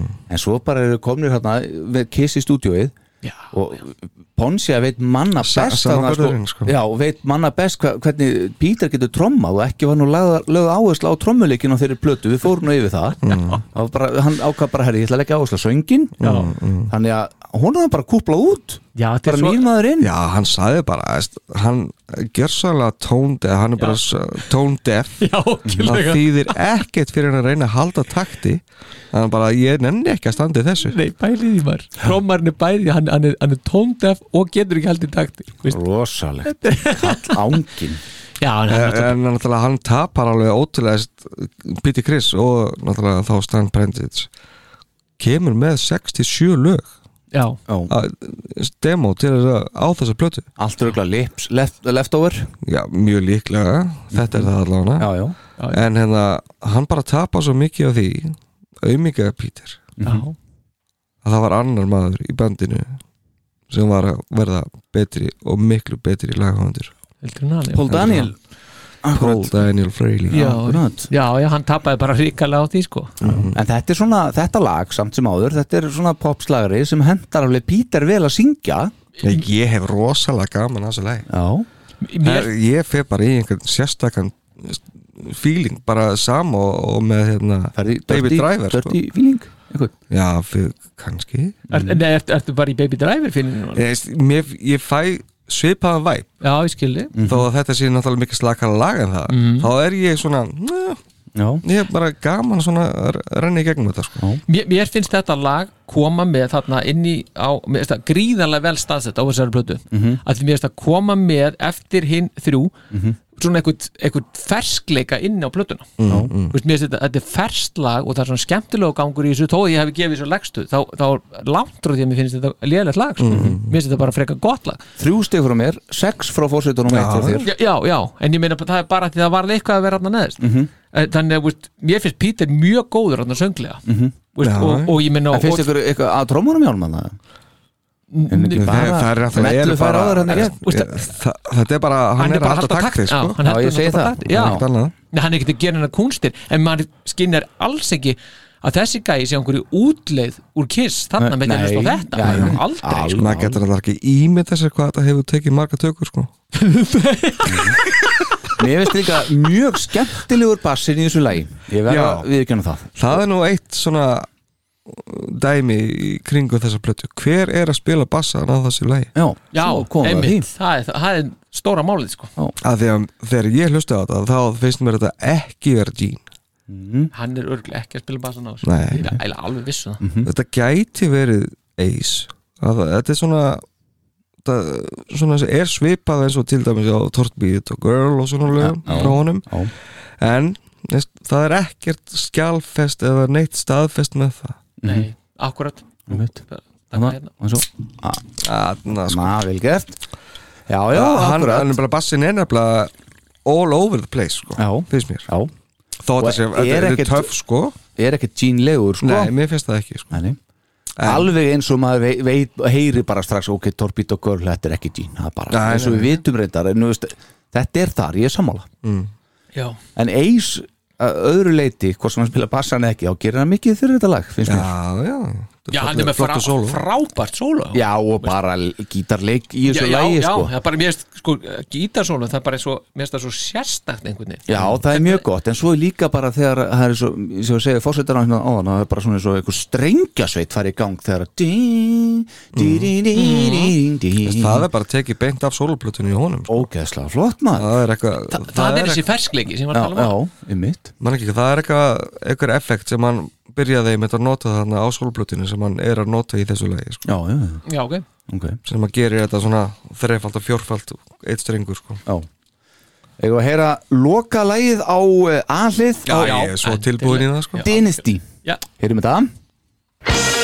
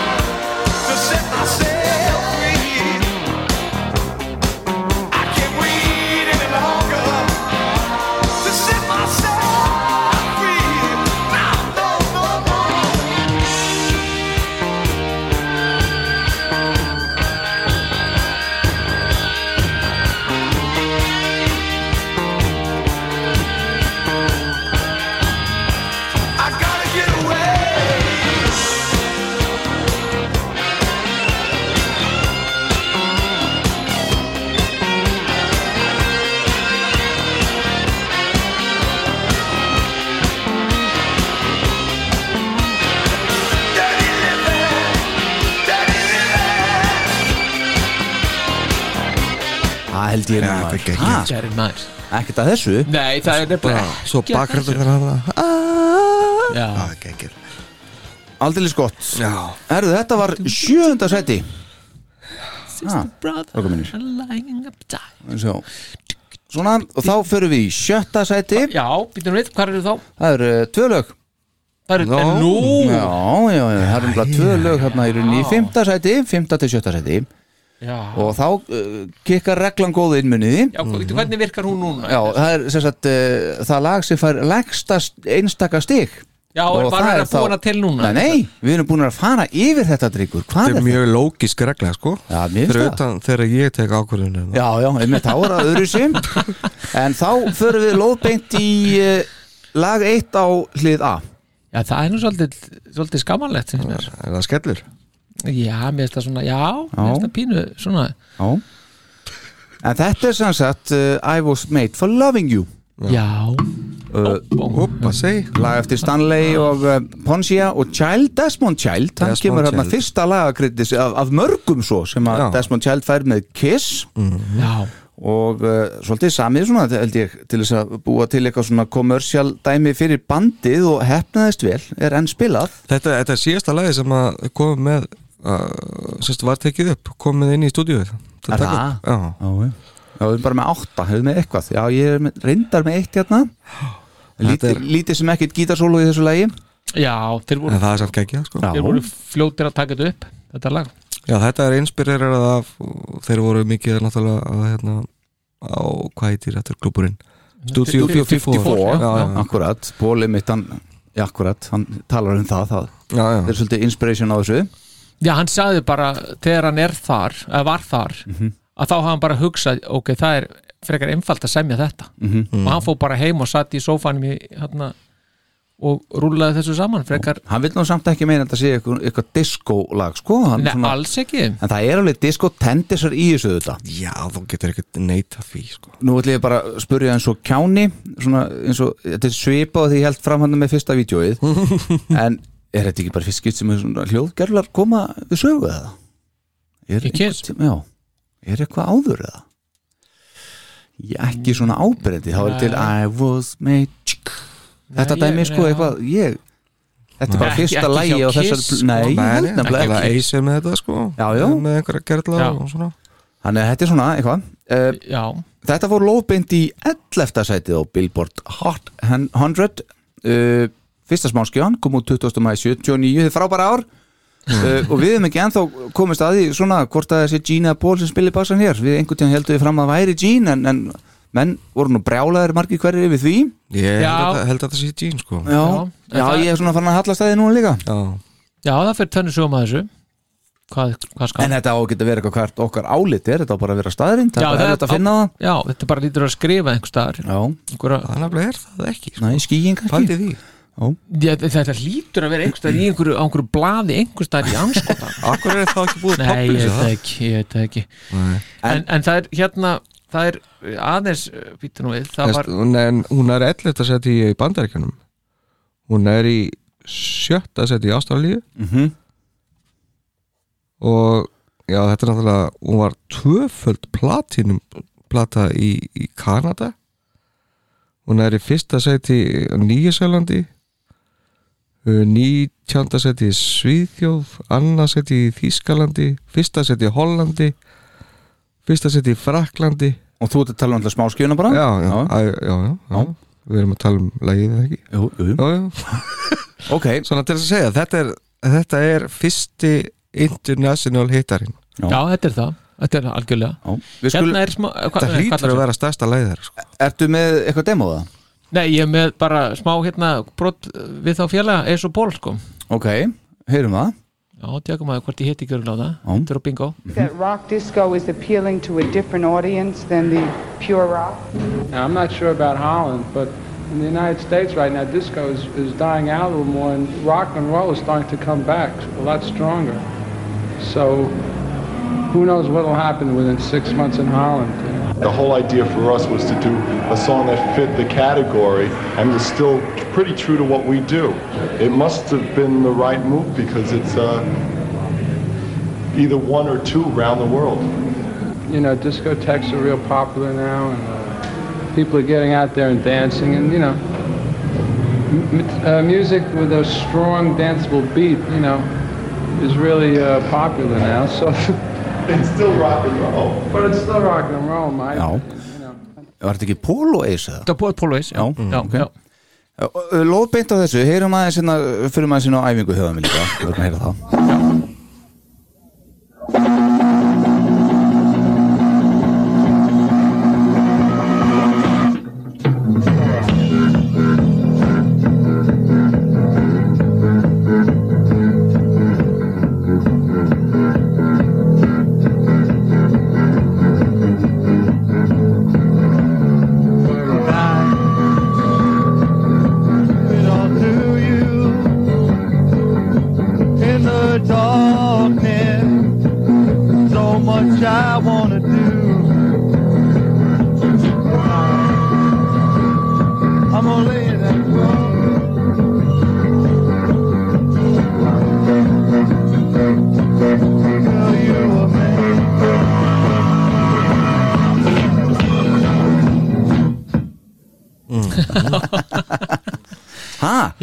Ef maður myndir nú lappin á æfingu okkur bandi og segja, herðu, hérna spilið hérna eitthvað sem við átlum taka hérna ægusmyndir lofengjú maður myndir bara, já, fínt strákar bara aðeins æfingu betur. Já, pínu svona. Já. En þetta voru bara þeir.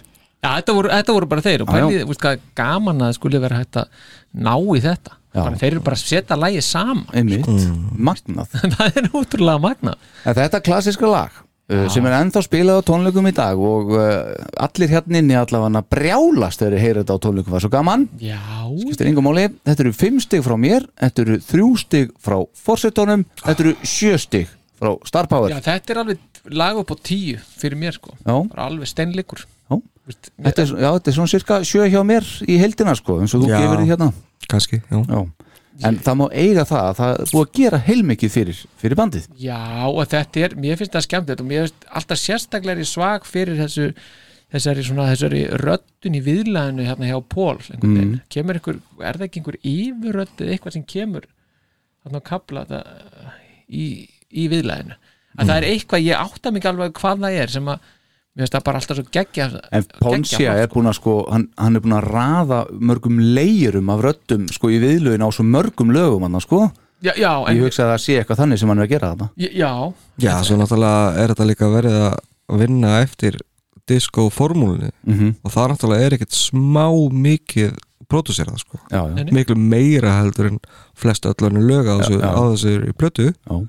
þannig að En það er mjög snjált samt hjá Pól og þeim að koma eitt svona lag og bara komast inn á klubbana bara. já, það er alltaf bara eins Bara vera bara með því. Og Já, allir nýju aðdandur sem kom í kjölfarið. Já, þetta bara, allir bara ná sér í hittar þeir eru þau mainstream hafða sko. Já, Já, að heyra þetta að þeir náttúrulega allir rockarar höfðu í disco. Já, og öfugt. Eis var að tala um það í áðan sem hún spilaði Star Power að diskoðu verða degja, rockar að koma aftur. Já, já, hann var á því. Já. Heyrum þetta eins Já.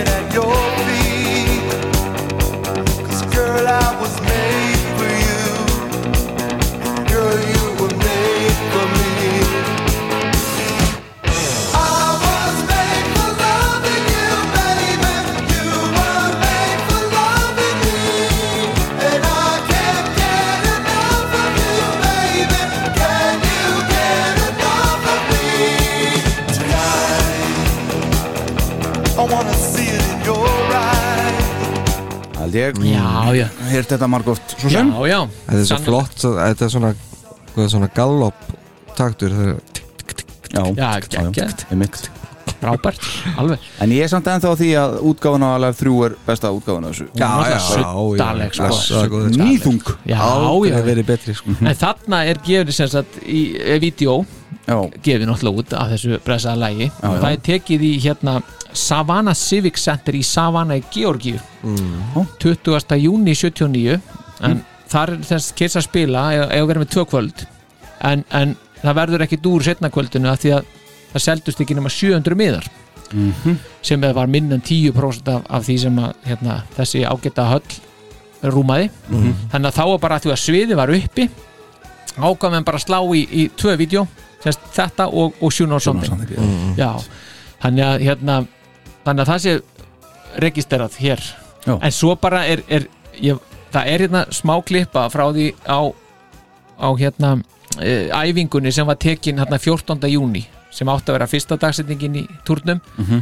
en var það ekki Ok og það er bara Rándýræfing rándýræfing Mhm. og mér, mér finnst þetta einhvern veginn hugsið ykkur sko um, hvernig hérna, hvernig stemningin er í bandinu þarna Ok, erum við við hækka þetta vel upp þetta er, er ekkit geggjuð hérna, ekkit geggjuð sand mm -hmm. eitt fyrir að byrja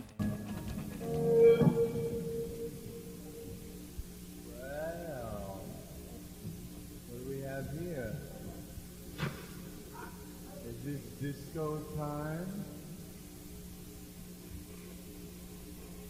Okay, everybody, get your disco clothes on and welcome to Kisco Disco.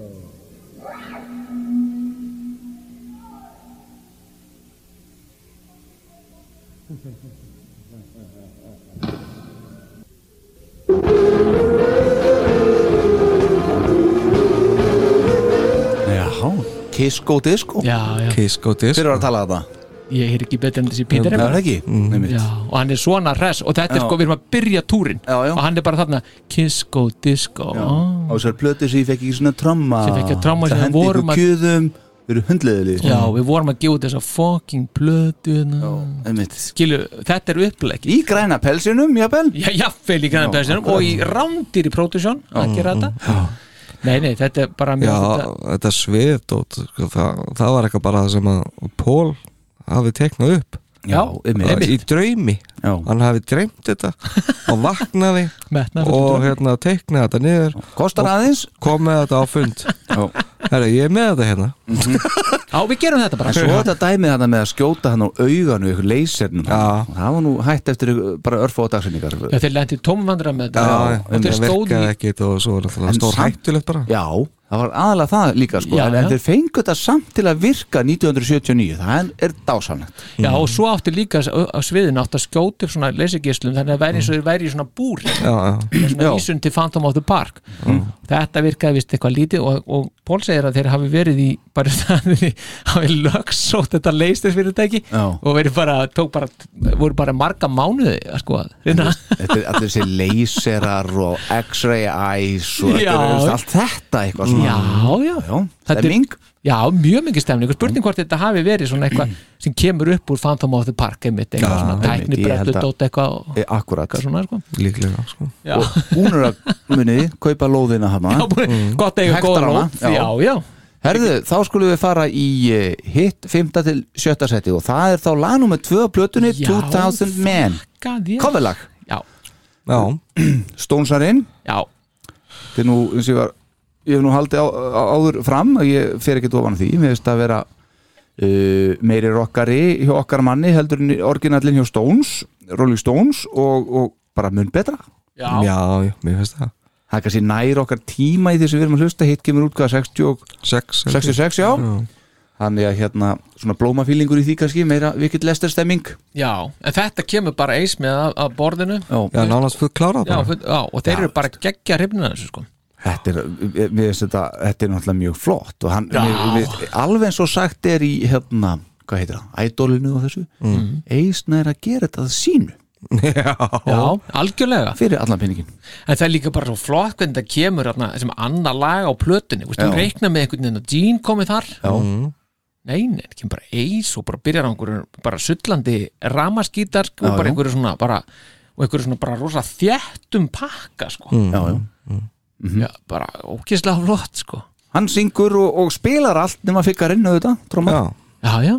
Bassan og allt reynd þarna. Og maður heyri bara strax að þarna er komin einhver annar eis heldur en var bara þarna áður. Hann er stútfullur af sjálfstyrst alveg stúdfullur, já, og með risastónan pung Já. og bara, og syngur þetta frábælega Já. spilar þetta frábælega Mhm. veist, mér finnst þetta bara ógeðslega flott sko. Fjögur stig frá mér, fimm stig frá fórsetunum, sex stig frá Star Power. Já, já, Ha, já, Heyra 2000 Man. Kýlum í þetta Já, gerum það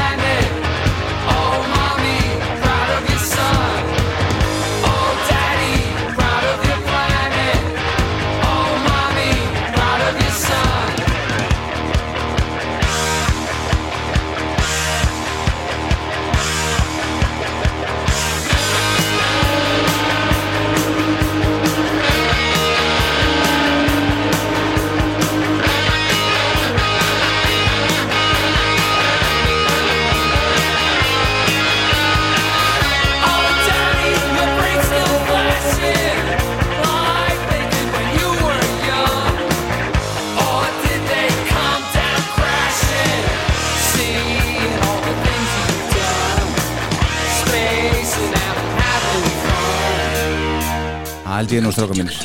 Maður heyrir nú kannski alveg þarna þó að þessu alliðinni að, að hérna Fikkarinn er komin hann? Að já, og það er einhver svakalegt bond einhver bróman sem á milli Anton Fikk og Ace Frehley þeir að tvekja Jöfessi snegla já, maður. þetta er Já, já. ógeðslega flott sko. Þeir, þeir eru bara algjörlega á sömu Blaðsvíð Já, já algjörlega Þeir bara skilja hvort annan 100% mm, já, Þetta er bara þetta- þegar þetta- hann byrja með hann gítar sinn og, og Fikkarinn er að hamra þetta sett já alveg þetta, þetta, þetta, þetta er bara er svona svo bauna súpa veist, ég bara, ég, ég, það er bara sem ég sé fyrir mér sko. Já. bara svona fullan pott af, af Hið full- baunum og þið fullkona kirsubyrði á þessu samstarfi er allan daginn uh, ripið átt þá bara, Já, það bara það- þar kemur þetta allt saman skýrt fram Algjörlega, þetta sko. örlar allstar á þessu jöðum Já, Já, þeir, eru suttalegi saman þessi gaurar sko. Já. maður fær ekki að reysa á bara að hugsa um þetta Ég veit það.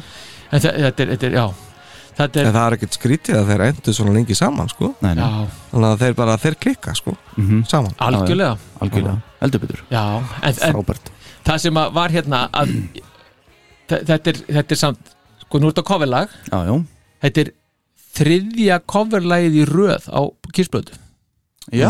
mm. Vist, ok í, sko, já, já, þeir, þeir eru með hérna Then She Kissed Me. já, já, Love Gun, svo Mhm. eru með Any Way You Want It á Alive já, já, já, já, já. Og svo kemur þetta Nei, svona, þetta er, þetta er ákveðin svona stefnubreiting sem Mm. er þarna Svo er Is That You á næstu plötu. Já, einmitt. Og svo Það er fór ég að hugsa er, ekkert já, svo er það ekki sko.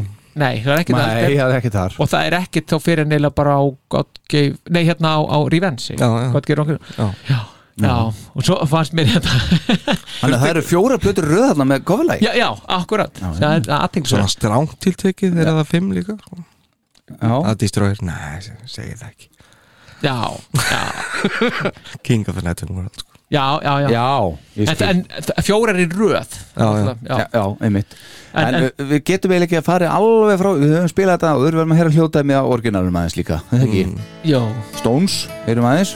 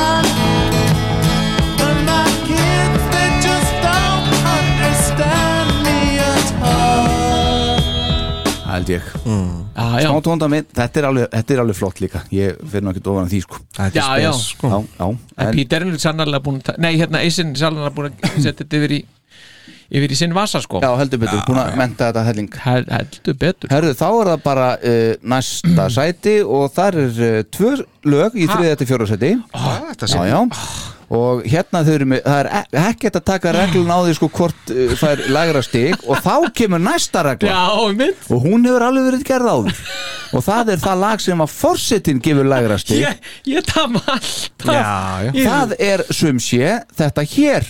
Já, mér, þetta er, já. Með 19 stig líkt og þetta hér þannig Já. að fórsetið gefur þessu lægra. Þetta er Sure Know Something.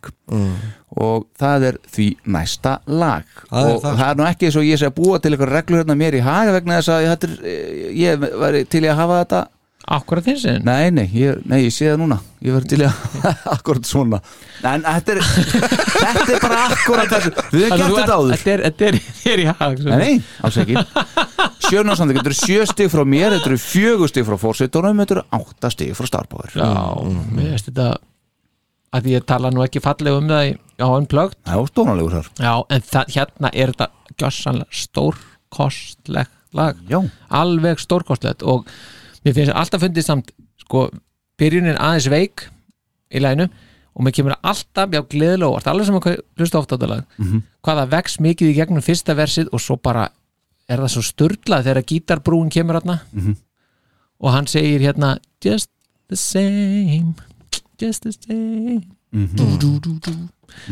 geggjað bara alveg frábært. Það má alveg segja að það örli aðeins á smá disco elementum í þessu lagi. Já, Já, já. það er alveg, sko, eins og ég sagði í, í inngangnum hérna, eða húsleisturinnum að, að þetta er svona for loving you var lagi sem var hægt að segja að vera svona diskolægið með, með eina diskolægið með góðum raukstuðningi en Já, þetta er alveg smá þarna líka sko. Já, já, það er heyrið það alveg. En það er samt R&B líka pínu.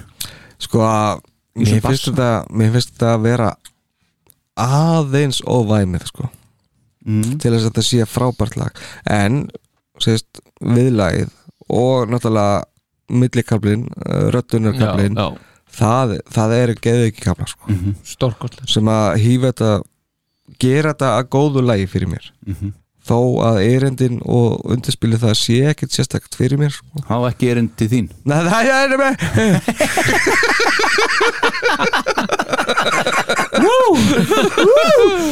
Það verður ekki að hætta bara núna. Skulum fá Þetta er Afsakið. Geggjað. Já, Já, Já, Nei, já, það er já, já, það það er líka þetta En opna þetta, jú, þetta jú, sko. þetta er önnur smáskifan 30. september 1979 þið frábæra ár kemur þessi smáskifa út. Já, og hún, þetta náði nú uh, víða ofarlega og jafnvel á topp 10 listan í einhverju löndum. Allavega í 5. sæti í Ástraljum það Ástraljum kunna að meta þetta verulega vel og hafa alltaf gert alveg sem er sem Já, já, það er hollendingar Hollendingar með þriðja setið sko. Já, sko. akkurat, einmitt. Og njúsálendingar nýsálendingar, þeir settu þetta í 11. sætið Já. En þetta náði 47. seti í Njúsjálfur, allir auðs, allir hans er frá New Zealand Já. Ég hugsa það En þetta, mér finnst það afskaplega þægilegt lag og þetta er svona, það þarf ekkert alltaf að vera allt steift í sama formið þetta og mér finnst þetta bara, og, og sérstaklega þegar hún var að hlusta á Unplugged, þetta er náttúrulega bara algjörlega geggja þar Þetta er ekki á erum við þessar plötu hjá mér Nei, hvað er var þetta hjá þér? Þetta var efsta sæti á Unplugged þannig að það var Já. ekki það að það miðst lægi það er bara þar var það svo Mm. geðveikt Og svo náttúrulega vídeo við þetta lag Mér finnst að ég sé alltaf þennan uh, vídeos þegar að hérna, AA-kablin er Já, já. Mhm. í vídeoinu Mér finnst það svo geggi þegar and- andlitin andlit- er svona já. fljú og Já, já, og- alveg rétt Það er Svo ógeðslega endar er að sko. Jean tekur tunguna Já, og já, alveg rétt Mér finnst það geggi sko. En, en Pól, er hann ekki að taka gítarsólu þarna? Jú, Jú, jú, hann gerir það. Einhver segir hann spilir bassan já, Hann spilar á bassan Já, þú ert harður á því. Ég er alveg harður á því sko. ok. Þannig að hann er eiginlega bara með þetta lag sko. Já, Og svo náttúrulega Ponsi er með svona smá Hér og þar. Já, með semjandi. Já, En strákar, þarna sko, maður er búin að setja plötun á fónin já, I was metal loving you, 2000 men Sure no something Svo fyrir það dörti lífin hérna, sko, við erum búin að taka það fyrir. Já. Þetta er fína aðlið Þetta er, þetta er frábæra aðlið Mhm. og það eina sem ég get sagt er þegar finnst þetta lag hefði mátt byrja aðeins sterkar. Að þetta er að koma þarna eftir 2000 menn hefði mátt koma aðeins meiri kraftur í það. En það bara vinnur sér svo rætt inn sko upp og verður bara nær bara stórkostlega heitum sko. Mm. og sérstaklega í þriða versinu þegar einmitt bakrættinir er að svara pól og þetta, þetta er bara alveg geggjað já Kemur svörun inn Já, svo, mm. góð svörun í þessu Já. og flotta bakrættu, flottur þessi kapli sem að millikapli sem við búin að tala um og, Já. veist, þetta er bara, já Ég er nú með, Frábært. ég, ég er reynda með hérna eitthvað, vil ég heyra eitthvað demo eða eitthvað Já, svona já, hendum ég eitt já, já, sjálfsög Já, maður sjá, þannig að opna þetta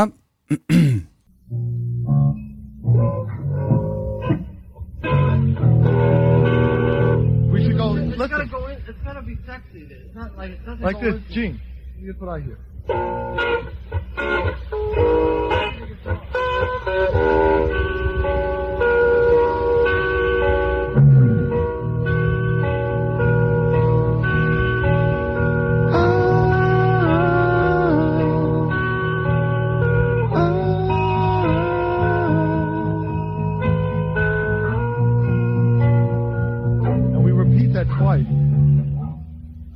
Já, hérna, það er gaman að heyra þetta. Já, þetta er það, eins og sagður á hann, bara þetta skuli vera til. Þetta skulle vera til veist, Já. fyrir bara einhverju finn út á málunum sko. Akkurat. Já, gaman að nefna það er náttúrulega þessi smaskið var gefin út í Þýskalandi. Já, Mm. Sure No Something og svo á bíliðinu var Dötti Livin Já, Það var ekki að virka. Ok. Menn voru miklu frekar að hlusta á Dötti Livin og þannig að Já, þeir gáðu út það? aðra smáskífu að sem að Dötti Livin er aðliðin Já og Sure No Something er bíliðin þetta er Það er ekki það að menn gáttu bara að byrja á bjöliðinni Nei, það var er bara að búa til nýtt. Hún Fólk að finnur aldrei út úr þessu. Maður Nei, nei, hæðist nei. ekki að þjóðverjunum. Nei, nei. Nei, nei, þú byrjar á A og endur á B í Þískalandi, sennilega. Herðu, Sure No Something Heyrum Já. þetta dásaflega lag. Já, gott með það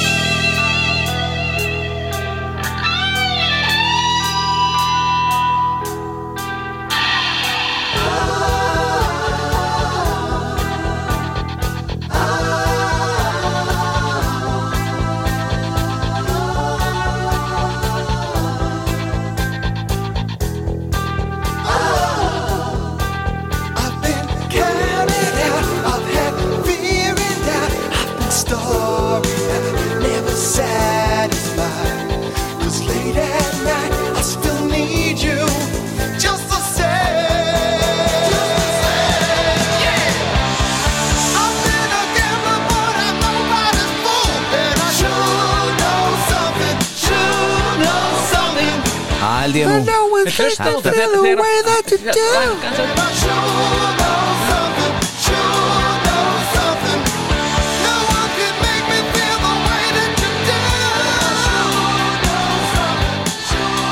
Já, já, Þetta. Er geggja. Þetta er geggjalag. Þegar hann syngur e- eða þegar bakgræðin svara honum sko. Já, já, skilur. Það er svo geggjað. Já, En ég, oh, maður, mér shit, finnst þetta oh, allt of sínlegur bassi þannig að þetta sé Póla að spila ég bara, er þetta í alvörunni? Svo, svo segja þér, Gárungarnir sé ekki ljúaður, það var aldrei gert það. Jöfnveld er þetta rosalegt? Já, ég veit það. Viltu ekki hækka þetta lag eitthvað? Hvað er þetta lag svona í katalónum, í, í hérna stigum hefur? Átta. Í katalónum?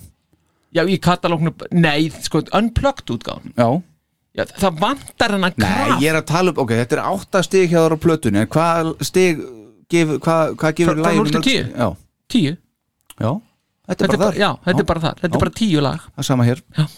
Þetta er alveg Ú, geggjað æ. En hjá þér fórseti? Nei, það er ekki tíu allan Nei, 9-5? Nei, svona 9-8? átta kannski 9-8? Nei, átta kannski Þetta er ekki. Já, Herðu, ok, þá skulum við fara í þriðja sæti Það eru þrjúlu eftir, við erum að klára þetta. Já, er það, já. Já, já, veist, þetta er þriðja sæti hérna. Já. Þetta er Hard Times. Þetta eru átta stig frá mér, þetta eru sjö stig frá Forsitónum, þetta eru fjögur stig frá Star Power. Já, sem er, ég, ég ætla að segja að það er dónalegt. Það er dónalegt, Já, nefnilega. já. það er nefnilega akkur heila helvitsmálið En sko, þetta er ekta eislagari. Já, já, Það- þetta er bara Ógjörlega gott sko. Hann er að heimaðalli hérna, þetta er bara, já, Ace, þetta er hann. Já, já, Það stendur Ace á þessu leið. Já. uh, Ég elska þetta barnalega Ég kalla það barnalega Element hjá Ace, hann er viðlegðan Þegar hann syngur svona nákvæmlega eftir gítarnum. Það er, ekki, það er ekkert margir sem meira þetta. Nei. En Ace, hann ekki bara má þetta Hann eiginlega á þetta. Hann, Það er bara svoleiðis. Ekki spurning, sko Mér finnst hann einhvern veginn uh, Hann gerir þetta allt aftur uh, og syngur og nema fikkarinn auðvitað á trómum mm. Hann þarf enga hjálp frá öðrum meðlum nei, Kiss. það er ekki. Ekki neina. Bass, Bassi náttúrulega frábæri Algjörlega, sammála. Já, já, algjörlega. Og þessi niðurgangskapli hérna svo geggjaður hérna strax eftir viðleðinu alltaf. Mm. hann svo flottur. Já, alveg frábært. Og svo náttúrulega bara þetta, þetta trommu dæmi þetta, já, Já, sem þetta byrjar á. Já, já. það er bara eitthvað Byggarinn. flott sko. Já, ég meina það er ógeðslega flott sko. Sólóði Signature Ace flengir gítarinn. alveg Algjörlega- og svo setur hann dómar að flötu inn í. Já, og hugsa ykkur hvað eru mörglu sem ætti að setja það inn sko. og það virkar sko Ég þetta Það er eins og ekkert eðlilega, sko. Nei, nei, bara, já, ég mæti með dómaraflutunatnin þetta hefði léttilega geta farið á 78 sólóplötuna Já, já, alveg bara. Léttilega. Já, já, já. Bara þeir tveir saman, Það er svona skemmtilegt umfjöldarefni það sem að, náttúrulega, hann eitthvað í gamla dag í gengi í, Já, í Bronx. Já, sko, en sko er, að texti taka, er að taka þetta eiginlega svona svolítið frá honum Peter, sko? Já, það, það- element já, svona gangstera pörupilda En hann náttúrulega segja hann vil ekki vera vil ekki vera hann í þessu lengur, sko. Nei, nei, nei, nei. en, en sko, það er líka til að lesa öðru síða Já, að texti fjalli svolítið um svona veist, það að vera frægur og vinsæll og öll vandræðin svona sem því fylgja það má svona lesa út úr textanum að svona, hann svona leiður á sig kistæmi og sé bara reddi, já, eða þú lest textan og er bara reddi að gerast bara að fara solo já, það fer eftir hversu menn, mikið menn er að lesa í textan sko. já, einmitt. Já, ertu með textan að það? Far, farðu aðeins með hann fyrir okkur. Textan. Well, I recall I, I recall days in the city and I think back, oh what a pity remembering how it wasn't pretty every day in the city. Every day every day life. life in the city. Já. out of the street we had to take it with the friends around couldn't couldn't it? What wasn't there we had to make it hanging, hang, hanging out down in the city. Mhm. og svo kemur bara the hard times are dead and gone but the hard times have made me strong and the hard times have made me see that the hard times ain't where I wanna be. We had uh, we had a fight to be accepted. It uh, it wasn't right and I protested for hanging out. We got arrested everyday life in the city we go to school and then we cut out. We go to park and space our heads out. We call it fun but there is some some doubt hanging out down in the city.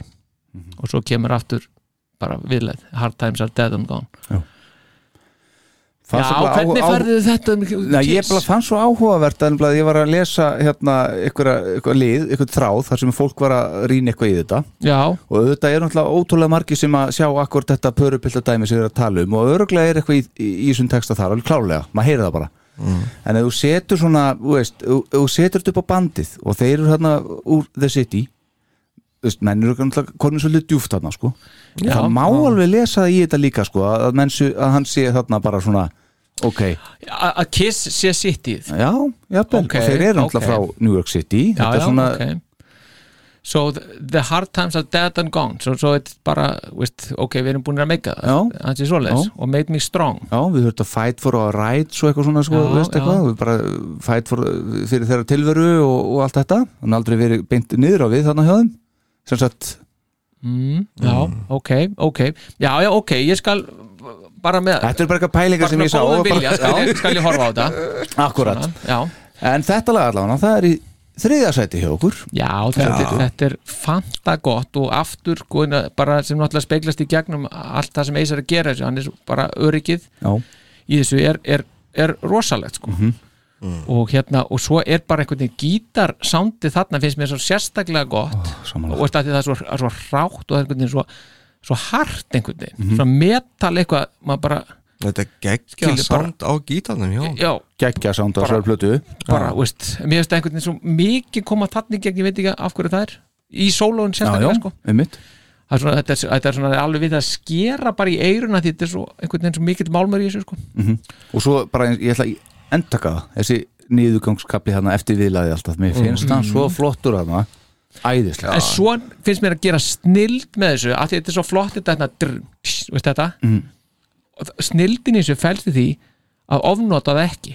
Freistandan að og að hann skuli svissa yfir eða figgarinn skuli f- svissa yfir í bara einhver trommu breyk bara. Já, einmitt. Ég veist það, en er ekki svolítið svona disco sound á trommunum þarna þegar hann tekur breykið ekki veitti aðtegli, hvað sem Nei, gera ok, núna bara að, ég var eitthvað að pæli sko. Ok. Já. Það er- heyrist þið verið eitthvað svona tamborinu svona sound á þessu ég finnst einhvern veginn svona.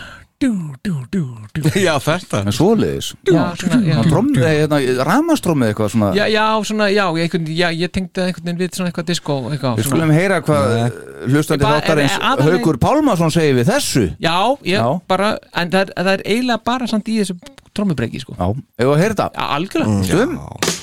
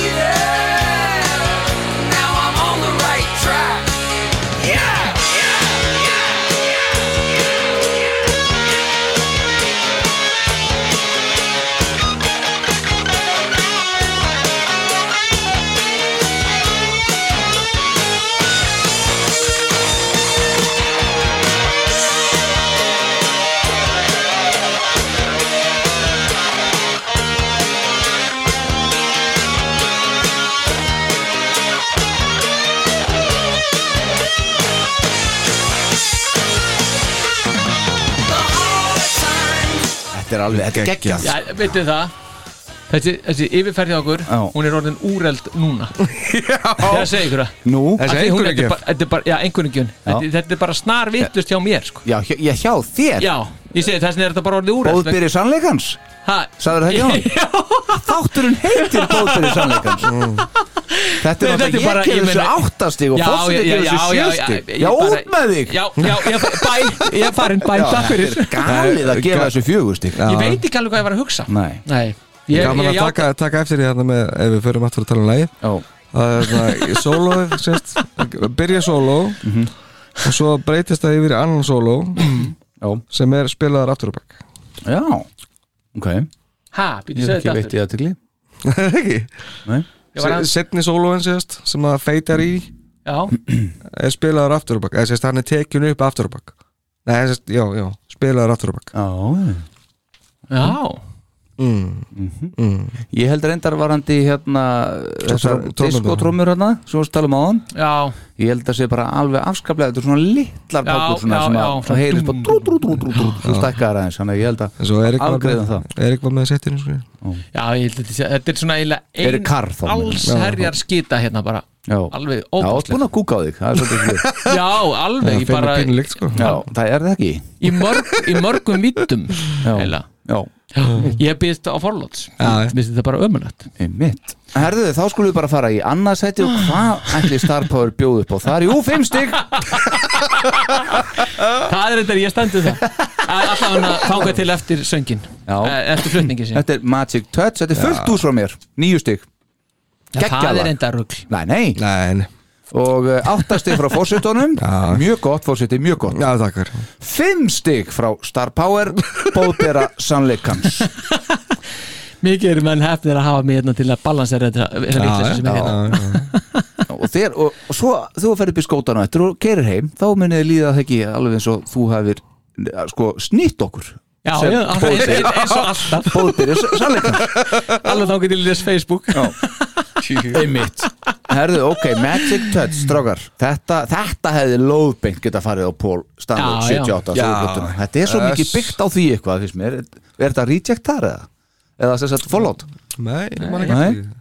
Það var lesið það okay. þetta er svona lag sem að Pól hann byrjar að syngja sko í viðlæginu Já, það, það, er, það er eina sem ég finnst aðeins um er, lagi. er það ekki bara einstæmi? Ég það er ekki mikið um það sko ég þurfi ekki að fara með að Bara byrja beint á viðlæðinu. Spurjum hópin okkar bara er já. sem gutt eftir í hug en af hverju finnst þér það vera Nei, mér, mér, að? að því mér finnst að einhvern veginn byrja eins og að byrja inn í miðju lagi. Það er bara geggja þetta þarf ekki alltaf að vera steift í sama formið maður. Það þarf það ekki, en það veikir lagið.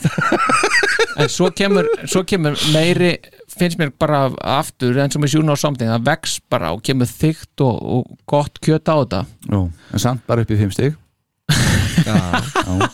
já, já, en það er bara því að hitt er frábært sko. Ég meina þetta er bara frábær plata. Pól tekur gítarsóluðið um já, já, það? Já, þetta er besta sóló hjá, Pít, hjá Pól í katalóg, finnst mér. En spila hann ekki bassan líka? einhver Jú, sagði- jú, jú, segir það, spilar já, bassann. akkurat. Já. Við, sko ég elska bassasóndi í þessu lagi. Mm. talandum blöytt sound. Mm. og það er svona, eins og ég er búin að segja þarna það er svona, svona sama bassasóndi á allir plötunni, gott sem er að spila eða Gina, Ból eða hvað, en svona kannski æfis með þú lofing sem skir sig aðeins úr þannig Mm. hvað það var þar en það kannski fer hann aðeins aftar þar. En mér finnst það samt uh, fínt solo í þessu lagi. Fínt? já. Finnst það ekki þú það? út, út með Er þetta að meina að þið finnst það svona hvað?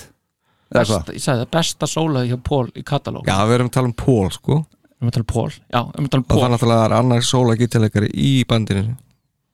Þannig að þetta er ekkert beint svona í, í samræmi við það endilega sko Já, ég sama, meina, sama sko- burði sko. nei, þetta er svo melodíst og svo smekklegt. Já, Já, þetta er þetta, þetta, er, þetta, er, þetta er mjög látlaust og svona þetta, þú veist, er ekki, Bara- þetta er ekki flugöldasýning skilur ég held að ásinn myndi neglita aðeins öðru sig já, já, það er ekkert að bera það saman finnst mér gítarleikar og gítarleikara? Nei, ekki Ace og Paul í, í sóló. Það er bara, úst, þú getur bara borið saman fíl og, og kartöflu það er, er annað er, er atvinnumæður í sóló sko. já, já, Já, já, alveg rétt. og mér finnst þetta að en gera mér þetta. finnst að, þetta, er- eins og ég segi, þetta er bara fínt solo sammála En mér finnst þetta mjög svona ah, Sammála, nei, alls ekki sammála. Mér finnst þetta eitthvað vera sérstakt væp við þetta lag. Já, já, veginn- sammála. Maður er svona í einhverjum öðrum heimi eða, eh, kannski ekki öðrum heimi en maður fer á einhvern stað sem maður er svona pínu mér finnst þetta pínu tragist Já. Og þannig, að maður, þannig nærða frekar til mín sko. Já, það, það snertir einhvern þráð. Já, já, þetta já, er það. melodist og snertir eitthvað og það er það sem er og Pól er svo góður í þessu sko. Mm. þetta er eins og hann að þetta er ekki væmið sko. Nei, nei, alls ekki, alls ekki. Ekki frekar en lagnúmer þrjú á, á þessari plötu sko. Ekki mér- frekar en það minnur f- sko, það er miklu frekar væmið Já, já, það, já það, það, er, væ, það er væmli alveg sammála því. Mm. Já, ég veit ekki hvað að væmi sér rétt að orðið við það sko. Það, það, það, það, er lag. væmnar, já, það er mýkra lag sko, það er svona aðeins en mér finnst þetta bara rosalega flott. Sólóið, svo kemur Mhm. undirspilið þannig að slæð kjúðunum saman. Mhm. alveg geggjað flott og svo fyrir allt í ganga aftur. Sko, mér finnst rólegi kaflunarna eftir sólóinu Mm. Mér finnst það svona sísta við lagið. Það er í grítur núna? Mér sýnist það. Ég er að sleppa því bara. Mér Jésús almáttu Var þetta dónalegt? Þetta þú verður nú að byggast afsökunar núna sko. Er það? Bara svo Sigur Ingi? Já, eins og Sigurður Ingi. Ekki að ræða það? Ekki að ræða það. Nei og svo aftur þetta með þe- þegar víksöngur er milli Póls og bakrættana hann í lokin Mhm. þegar hann segir I still need her og svo þessi vælandi gítar hann gerir hann eftir svona veist, þetta, þetta er bara ó, Já, bara sko. síðasti síðasta mínútin í þessu lagi er stórfengli Stórfengleg. Heyrum byrjunna og svo síðustu mínútuna. Já, já, Mhm. já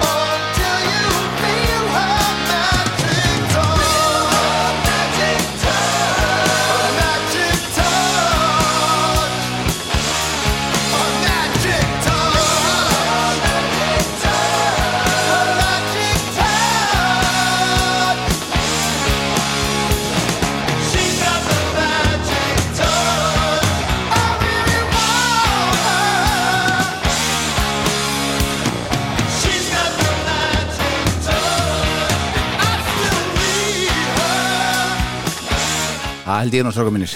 Ó, þú mistir að skýta þetta manna Það var ekki svo geggjað Það er að koma hann inn sko. Æ, elsku vinur. Ég hlusta á það eftir, lofa því. En sko, við hérna heyrum við aðeins byrjunina og svo restina. Heyrum allt lagið. Við heyrum bara allt lagið, það er bara gegja En sko, Þetta er svo þetta, geggjað. þegar hann tekur kjöðana hann að fikkarinn saman hann, Já, það er Þetta er eitthvað sem að, sko, Pítur myndi aldrei gera þetta Nei, hann geti ekki haldið í taktinum þetta Nei. Nei, Akkurat. Nei, það er Hann myndi ógeðslega einhvern veginn kúl. bara svona taka screenshot við ég fekk svona 20 gæsahúðir við að hlusta á þetta Já, sko. þetta er, þetta er svakalegt lag sko. Það er ekkert, þetta, þetta er bara besta lagið? Böðurinn. Nei, nei, nei, nei, nei, Næst, næst besta lagið. Nei alls ekki. Sko. Jafnvel. Nei, nei, Mm. Jafnvel. Herðu, ok. Getur settið við það sko. Já, já, algjörlega, sko, þetta var bara sem ég leiði þannig að ég setti þetta saman En sko. þetta var, á sínum tíma var þetta svona Ég skipa oft þessu lagi. Nei Jú, Aha. já, að þetta var ekki í sama feeling og önnulegu á plötinu já. Mm. Þetta, mér, þetta, þetta, þetta, mér, mér finnst alltaf þetta lag, Það þetta er braut- frábært lag en þetta, það þetta braut, drepur aðeins. braut upp sko formið. Já, Mhm. þetta, þetta drepur pínu það, Tempóið já, það er akkur það sem gerist þegar róliðkablin kemur hann eftir sólóðið Já, já, en lag, lagið, eftir hvernig það byrja þá Nei. finnst mér það alltaf Hvað er tempo dre- drepur þetta niður? Þú ert búin að heyra þarna Sjörn og Something til dæmis Já, það drefur niður eh, hérna bjelliðina það er bara það, af því það byrjar einhvern veginn ekki alveg rétt að mínum að því það er bara einhvern veginn Jó, þetta er Nei, það er einhver ástæð fyrir því, ég tók alltaf síðustu þrjú sko. Já, Já. Geti verið að ég þegar hugsa þú að séu varst meira minn ára? allir sammála þessu sem ég er að segja, hvað segirðu? Geti verið að þegar þú varst svona 8 ára? Nei, ég átti ekki þegar ég var átta ára. Nei. Nei, ég bara Nei, nei, ég var bara hjartanlega ósámálaður 42 ára. Nei, nei ég, Það er hjartalega ósámála Já, við skulum halda áfram. Síðasta lagið. Þetta er Fyrsta sæti. Þetta er sleggja. Þetta er 6 Já. stig frá mér. Já. Þetta eru 9 stig frá ykkur báðum. Já, Nýja mann það var aldrei, komin þetta aldrei annað til greina, Nei, sko. aldrei, aldrei, þetta er aldrei í hættu. Þú Það- getur lækka nýr þér allir núna ef þú ætlar eitthvað að setja út á þetta? Setja út að þetta eru 6 stig. Þetta er bara mjög Ja, gott þetta- lag og ég, ég get sagt ykkur það. Já, Þetta er eitt af þessum lögum sem er unni hvað mest á eftir að við byrjum þess að vegferð hér við þrýr saman hér. já ég man og sagði þetta einhvern Já, tímann. Hefur sagt það- og hérna ég, þetta var eitthvað sem á en ég teka fram, fram aftur að ég, þetta- ég, var aldrei, ég skip aldrei inn í þessar blötu, hún gengur bara. Og, þe og þetta hefur alltaf gert það líka samt alltaf verið svona einhver smá böggur. En mér finnst þetta bara búið að vinna svakalega og þessar, sko, ég fílaði ekki alveg uh, þessar rattir hjá Pól og letilegar og leiðilegar eitthvað fannst mér. Ég elska þær í dag. Já, þetta, þetta og það er svo kærkomið. Þetta er náttúrulega Pól Daniel Fríli og bara he- veist, svona uh, slagari frá honum. Og ég elska að heyra það er svo kærkomið og geggja að heyra Pól röddina koma hann inn í læginu Það er akkurat málið. Það er svo bara geðveikt, eins og, já. eins og hreinn pól sem Já. kemur hann inn. Og onni eisar hann Onni eis, já, að bakka eisin upp sko. Ekki öfugt eða hvernig einmitt, það er það er bara eitt partur í þessu lagi einmitt, þegar, hans, þegar Paul segir save your love, hann segir þetta einu sinni í laginu. Mm, stórfenglegt. Stórfenglegt. Það er það, þetta er algjörlega save your love! Já, hann segir þetta. Já. og það er bara, oh my god, geggjar sem hver segir Paul? Já, ah, ok, já. Nice. Þetta, sko ég, mér heyrist þú verið að lýsa sko, þess, þess, samband þitt við þetta lag svipað eins og mitt við Magic Touch. Já, Þú veist, það er unnið greiðlega á en, alveg svo því þetta er en þetta er lagið sem að fekk mig til að elska í Svrili Já, bara, algjörlega. það er bara þetta lag. Því líka keislan því líka keislan og það sem er svo gaman við þetta lag að það er, einhvern veginn, það, það er svo mikil uppbrot í því. Það kom, það er svo, ég skynna það svona það er svo margir kaplar í því Mhm. og þegar maður heldur að það sé að þeir séu komnir í átróið þannig í lokin Mhm. nei þá fara þeir í einhvern svona já, og já. svo keira þeir inn í átróið það er bara þvílík snill algjör snild, sammála og svo bara þessi, þessi kapli sko, sem er hérna áður en að viðlaði byrjar yfirleitt mm. Já. það er stórkostleg bara hljóðið þarna í gítarnum hjá Freyli já. er metal já þegar hann segir it's over now. Já. það, það sem kemur í þar. Já, þess að maður segir It's over now. Já, kemur, já, já, já, já, já, já. okay. alveg gjössanlega og stók fyrir utan framlega Pól hérna þá er þetta bara félagarnir Fikkarinn og, og Ace Frehley já, þetta frábæra hjónaband þeirra þarna algjör snild. Uh, frábært, langt nokkur rólegt en þó signature takkasólu frá Ace þarna, takk fyrir. já, já, ha, já. takkasólu, takk að sólum algjör snild. Ég meina, fyrir mér þá er hann bara þarna Ace gjörsanlega í svona besta formi sem, sem það, það eina sem skikkir á þetta getur ít þessu úr efstasætinu veist, það er bara sjokk mjög á LF2 Mm. annars er þetta bara besta sem hann hefur gert Mhm. þetta lag, finnst saman. mér sko. Ok. Já. Þetta er nýjenda og síðasta lagið á plötunni. Já. Frábær leið til þess að enda plötu Já, ég er sammála því. en, van, en vantar ekki tíunda lagið á Jú, plötu? jú. Þetta er náttúrulega hefði átt að- vera tíundalagið Já Nei, ég eitt, eitt ekki- lag á, í viðbót á, á alliðina. Já, já. Já, já, það er alveg þólað já. Já, já, sjálfsögðu. En uppröðun á þessar plötu á lögunum? Ég Svona myndi, heilt yfir. Mér finnst hún skott held sko. Já. Bara alveg, bara Mm. ég, ég veit ekki hvernig hún ætti að vera öðru sín, mér finnst hún al, mjög góð. Jú, Magic Touch ætti að vera fyrsta lagabilið Því ég var búin að segja Já, það. þú varst búin að já, já, ég er svo sammálað því að ég segi það ekki. Nei. Nei, mér finnst þetta frábært Bara fullkomin svona? Já, mér finnst flott að byrja sko, á karisma mm að þú ætti að byrja svo töff. Mhm. Lægið Ústu, veist, Þetta finnst að gefa þér rosalega mikið. En það er svona að byrja plötuna æfus með lovingju Er það ekki bara negla það, þú veist tíma, Það er 79 bara ég bara Jó, Já. Og svo finnst mér rosalega Öðvilt fyrir klúpadítjan að finna bara lag eitt og, og svo bara koma með 2000 menn bara beint á eftir. Mhm. Og svo út með eitthvað svona létt og fest hérna í einhver ægur smeið, svo Já. kemur með þessa baunasúpu á eftir En hefði ekki karisma átt að koma svo? Nei, mér, mér finnst ég, það bara Ég hefði viljað hafa það þannig Já. Að allir fjórir hefðu fengið svo Já, lag akkurat og svo hef ég, svo hef ég skellt hérna Magic Touch í staðinn þá á, sem fyrsta lag á bílið og sett Sure No Something sem annar lagið eftir Nei, Magic ég, Touch ég hefði haft hard Shit. times þar sko. og svo hefði ég fengið hérna Sure No Something og svo lóðbind í X-Ray Eyes og Save Your Love Já. í lokin. Já, jafnvel. En ég held að þetta er nákvæmlega breytingin. Er sammála sem var betra mix af lögum. Bara, I take a hundred. Já. I'm not taking under it en, en, en, en ekki það að hún er svona svolítið svona pínu út um allt þessi plata veist, Já, hún svona, já. veist, það vantar svona kannski svona smá heldar bara á hana. Já, ég meina bara eins og bandið var. Ég, ég segi það, þú veist að endur spekla mjög vel bandið bara. Hún eldist vel Já, ég meina þetta er frábær plata Já. þú veist, hún bara, nei, ég meina maður bara, þú veist, maður reynir að finna eitthvað sko, en þessi ekki bara einhver eir, endalus halleluja kur, sko En uh, heyrum þetta og svo ræðum við aðeins saman og ég er svo með skemmtilega rúsinu hérna á pilsvendunum. Já, heldur Save Your Love Já.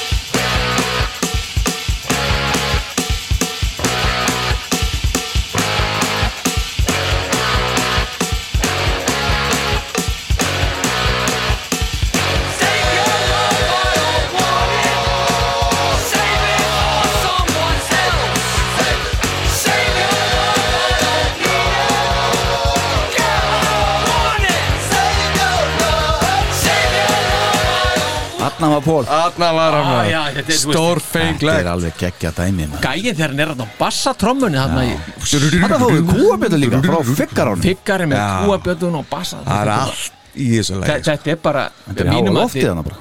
Þetta er bara eitt besta lag með Kiss bara Já. alveg klálega sko. Sjáu þið hlustununa hérna á Spotify til dæmis? Já, Þetta er bara, hvað, þriðja næst, neðsta lægið á blötunni já. Karisma með 7 Þetta er miljónir annað lagsta lægið á blötunni Þetta Já, er bælið Þessi er næst neðsta bara. Já, en svo erum við með was made Já, já, það er bara veist, 524 miljónir 902.849 Þú veist, Þetta er ekki Bólurinn Já, ég, ég meina, þú veist, bara Algjörlega. Hvað þar hvað, hvað var maður mikið greitt fyrir hverja spilun í þessum? Ég, já. Hvað ætli nafni sé að fá í? Ó, ég var svo Það var örglega smá peningur. Eitthvað. Hvað færi sér plata í engun hjá okkur? Hún er í 8,8 Já, 8,6 var það hjá mér. Og hún var eiginlega bara í nýju en ég bara einhvern veginn sem segja, nei ég er eitthvað veruleika fyrtur veist, uh, þetta, hún, er ekki, hún er ekki svona góð en, en jú, hún er samt, hún er bara Veist, Það eru bara þessi tvö gínlög sem að draga þetta aðeins niður.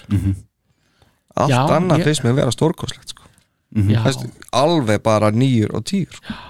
þetta, en það, það er líka bara svo gaman að sjá sko hvernig lagasmíðarnar þarna á þessari plötu hvað er að hafa breyst Ah, frá Love Gun? allt þetta er annað. allt annað. Já, já, ég held nefnilega að það sé akkord máli menn eru búin að fara í gegnum þessa soloplötu síu þarna. Já, já, Það er svo mikið byggt á því hann eftir þetta já, já. Og það eru þessi millikablar sem eru, eru nánast eru ekki bara í hverju einasta lægi nær til sko. Mm. veist, einhver svona millikabli sem var ekki í, veist, á Gun eða eitthvað. Já, þetta er að þróast alveg gríðarlega gríðarlega mikið. Þessi lög sem voru fyrir Alive 2 Já. voru bara erindi og svo viðlag og solo erindi viðlag búið. Já, já, akkurat. Bara mjög klassíst þarna er orðið búið, að- búið að bæta inn alls konar köflum og, og svona dótið sem að maður hefur aldrei heyrt aður Nei, akkurat, og bara þessu öllum þetta í Save Your Love, þessi þarna í lokin. Vist, bara, Mm. já, heyrðu, setjum hérna smá eitthvað svona, eitthvað pínulítið eitthvað stopp í þetta árum við keirum út. Mhm. Vist, fyrir uh, 77 eða, veist, 77 og fyrir, fyrir þá hefði bara verið keirt held ég bara beint Já. alveg bara heiklust sko. Já, Þannig að- já, akkurat þannig, og, og ég meina þessu lögin til dæmis hjá Pól Já. Eh, meina, það er ekkit move on þarna, það er ekkit stole your love þarna sko. Nei, nei. þetta er allt frekar mjúkt mm. og svona mjög melodist og, og, og og bara soloðan hjá Ace í Save Your Love hann er mjög svona einhvern veginn controlled hann er, hann er ekkert að fara út á spórinu þar nei, Nei, Mér hann- hann- hann- svo öðruvísi sko. Já, og hann, einhvern veginn, hann, hann heldur svo einmitt, hann heldur svo vel einhvern veginn aftur af sér en gefur samt svo mikið í þetta Mhm. finnst mér sko Mhm.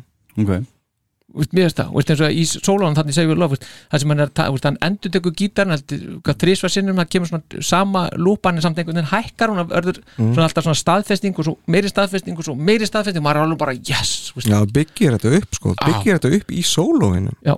sem að er mjög óalgengt sko. já, Þannig og svo hvernig trommun að koma einhvern veginn með og þetta er bara En þetta er ekki vond fyrir svona kallið svo Anton Figg að gera allt þetta og vera svo bara Jú, á kantinum og eh, Fá ekki borga- kredit og fá borga 100.000 dólar og...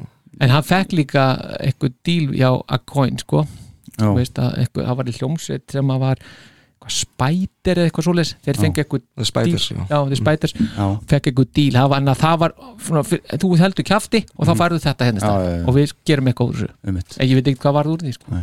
lítið Já, Herðu, já, þannig spætast þessu. ekki, ekki aðamáli sko. þessi hljómsveitir sem hún voru að hitu upp á þessum túr það var skemmtilegt til dæmis Judas Priest Já. já, og eitt annað bandi sem að var að hita upp á þessum túr hitt Breathless minni mig Mhm. og trómarinn þar, var einmitt Mr. Kevin Valentine nú var það tenging. tenging sko. vel gert en ég hérna, sko ég er með íslensku pressuna hérna Já, um, ef ekki bara taka hana kíkja á hana næst nei, nei, er, er, núna? er það langt eða? nei, nei, Nei, nei, Þannig. tak- taktu þetta maður. Sko að því að, að því að sko ég hef ekkert annað að gera sko.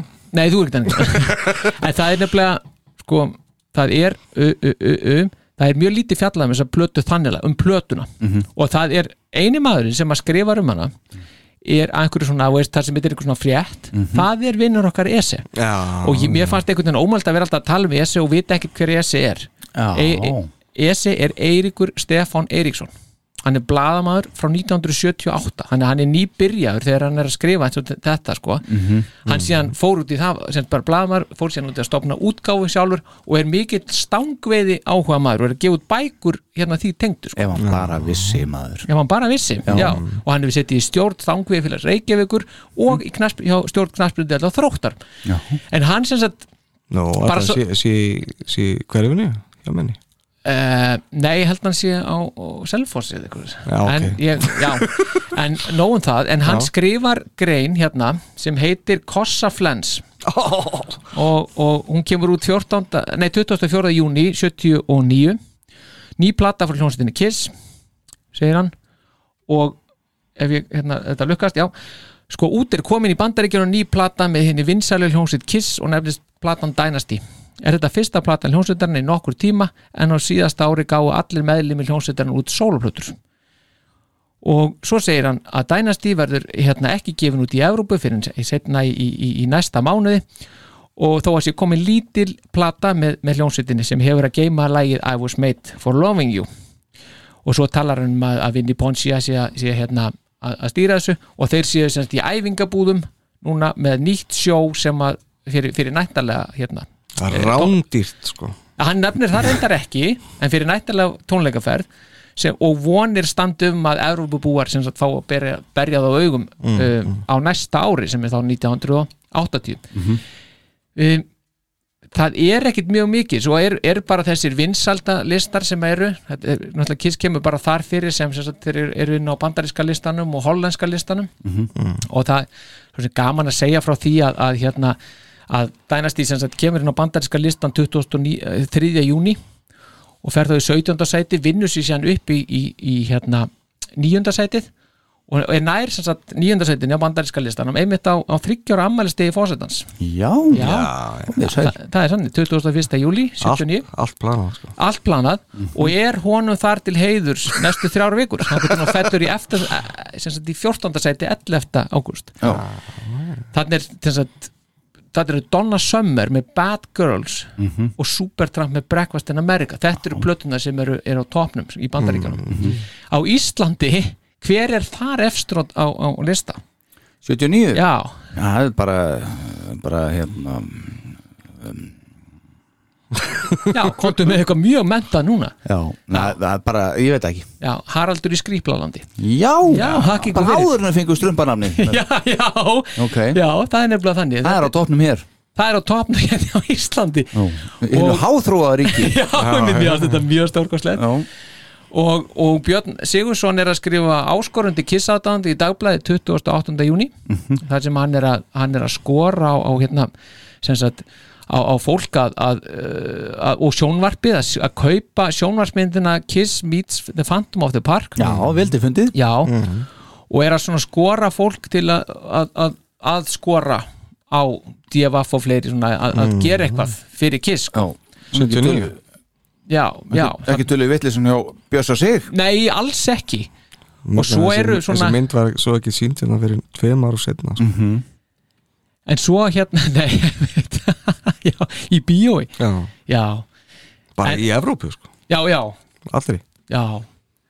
En, en, en taland um það þá er líka verið að fjalla eins um að, að kiss það, það er í tengslu við þessari vinsaldalista og það segir hérna að uh, það, það kemur koma semst myndir af kiss þegar verið er að byrta vinsaldalistana Mhm. og það stendur hérna undir einu sem þetta var svolítið skemmtilegt að þið vorum að tala um Phantom of the Park. Sko Kiss sífælt vinsælli. Lag hljómsveitarinnar Kiss I was made for loving you er þessar vikurnar í efstasæti þýska vinsældalistans áður var það búið að vera á topnum í, í Hollandi vikum saman fyrir á árinu. Þar er Kiss lagið Sure Know Something nú í sjötta sæti.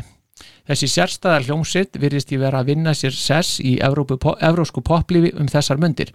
Svo kemur rúsinan Mhm. ekki ætti ný kvikmynd hljómsveitarinnar að spilla neinu fyrir um þær vinsældi Nei, svo heitir Kids Meets the Phantom of the Park Kids? Nei, ekki Kids heldur Kiss þannig að þetta er þe þe sko, sem er reyndar að ránt hjá hann hún heitir Kiss Attack of the Phantom sko. Já, það er Í bara Evrópu. spurning um að setja sig að, að, bara í samband. Leiðrétta. Leiðrétta þetta? Já, en, en, Leðréttingin blasju 7 í blæðinu já, frá 1979 Sögðu við rangt frá. En það er samt áhugavert svona, þegar maður er að kíkja á þetta þarna á þessum tíma að fólk er svolítið að, að já, einmitt. Var þetta ég eða einhver annar sem var að banka? Ég veit ekki. Ja, ég var ekki að banka, ég er svo sem veit Já, það. já, er það bara komið strax að að taka við hérna gaggríninni já, já.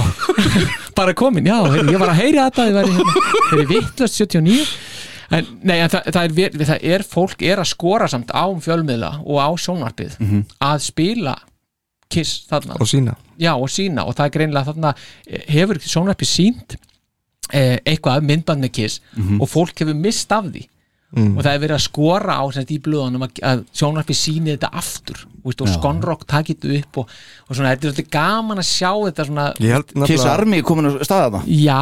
Ég held nefnilega að þessi plata hafi fengið rosalega marga nýja kiss aðdöndur hérna á Íslandi. Já, já. Mm. Það var margir sem náttúrulega sáu bara þetta cover. Akkurat. Og bara þetta er geggja cover. Er bara, ég verða að hlusta á þetta. Já. Og svo hérna, en hvernig fannst ykkur bara rétt til að slúta þessu, við erum að fara að hætta já, já, alltaf þú að sluta þessu. Hvernig fannst ykkur hérna gátan sem ég setti inn á hópin hérna með hérna, ég setti vísbendingum hvað var í umræðefni þáttarins? Já, með augunum. Já, já, hvernig fannst mér hún? náðu þið því? nei, alls ekki. Fósitt náðu þú því?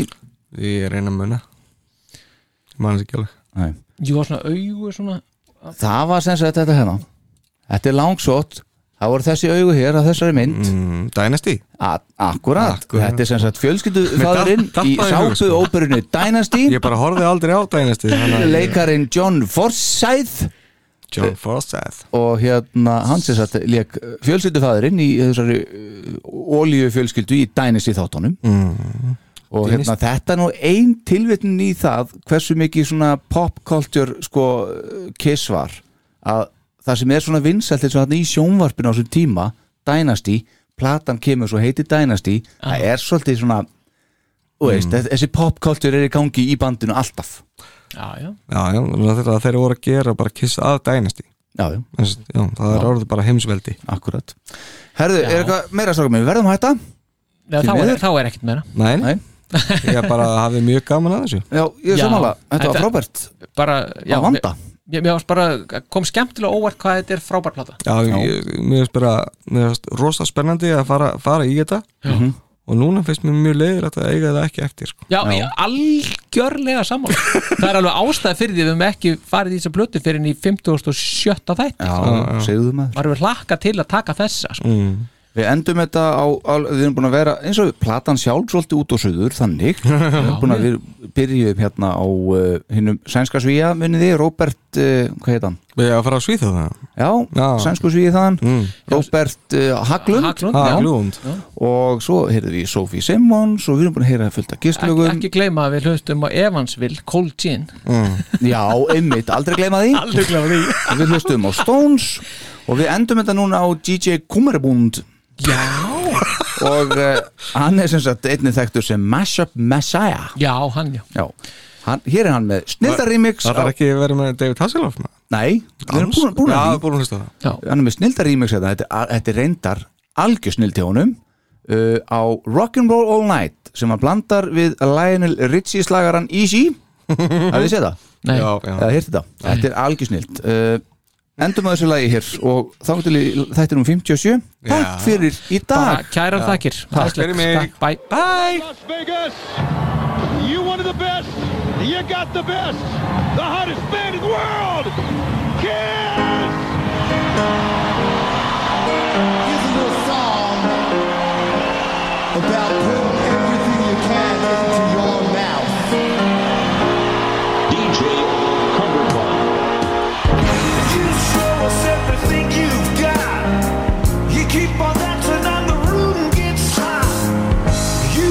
us.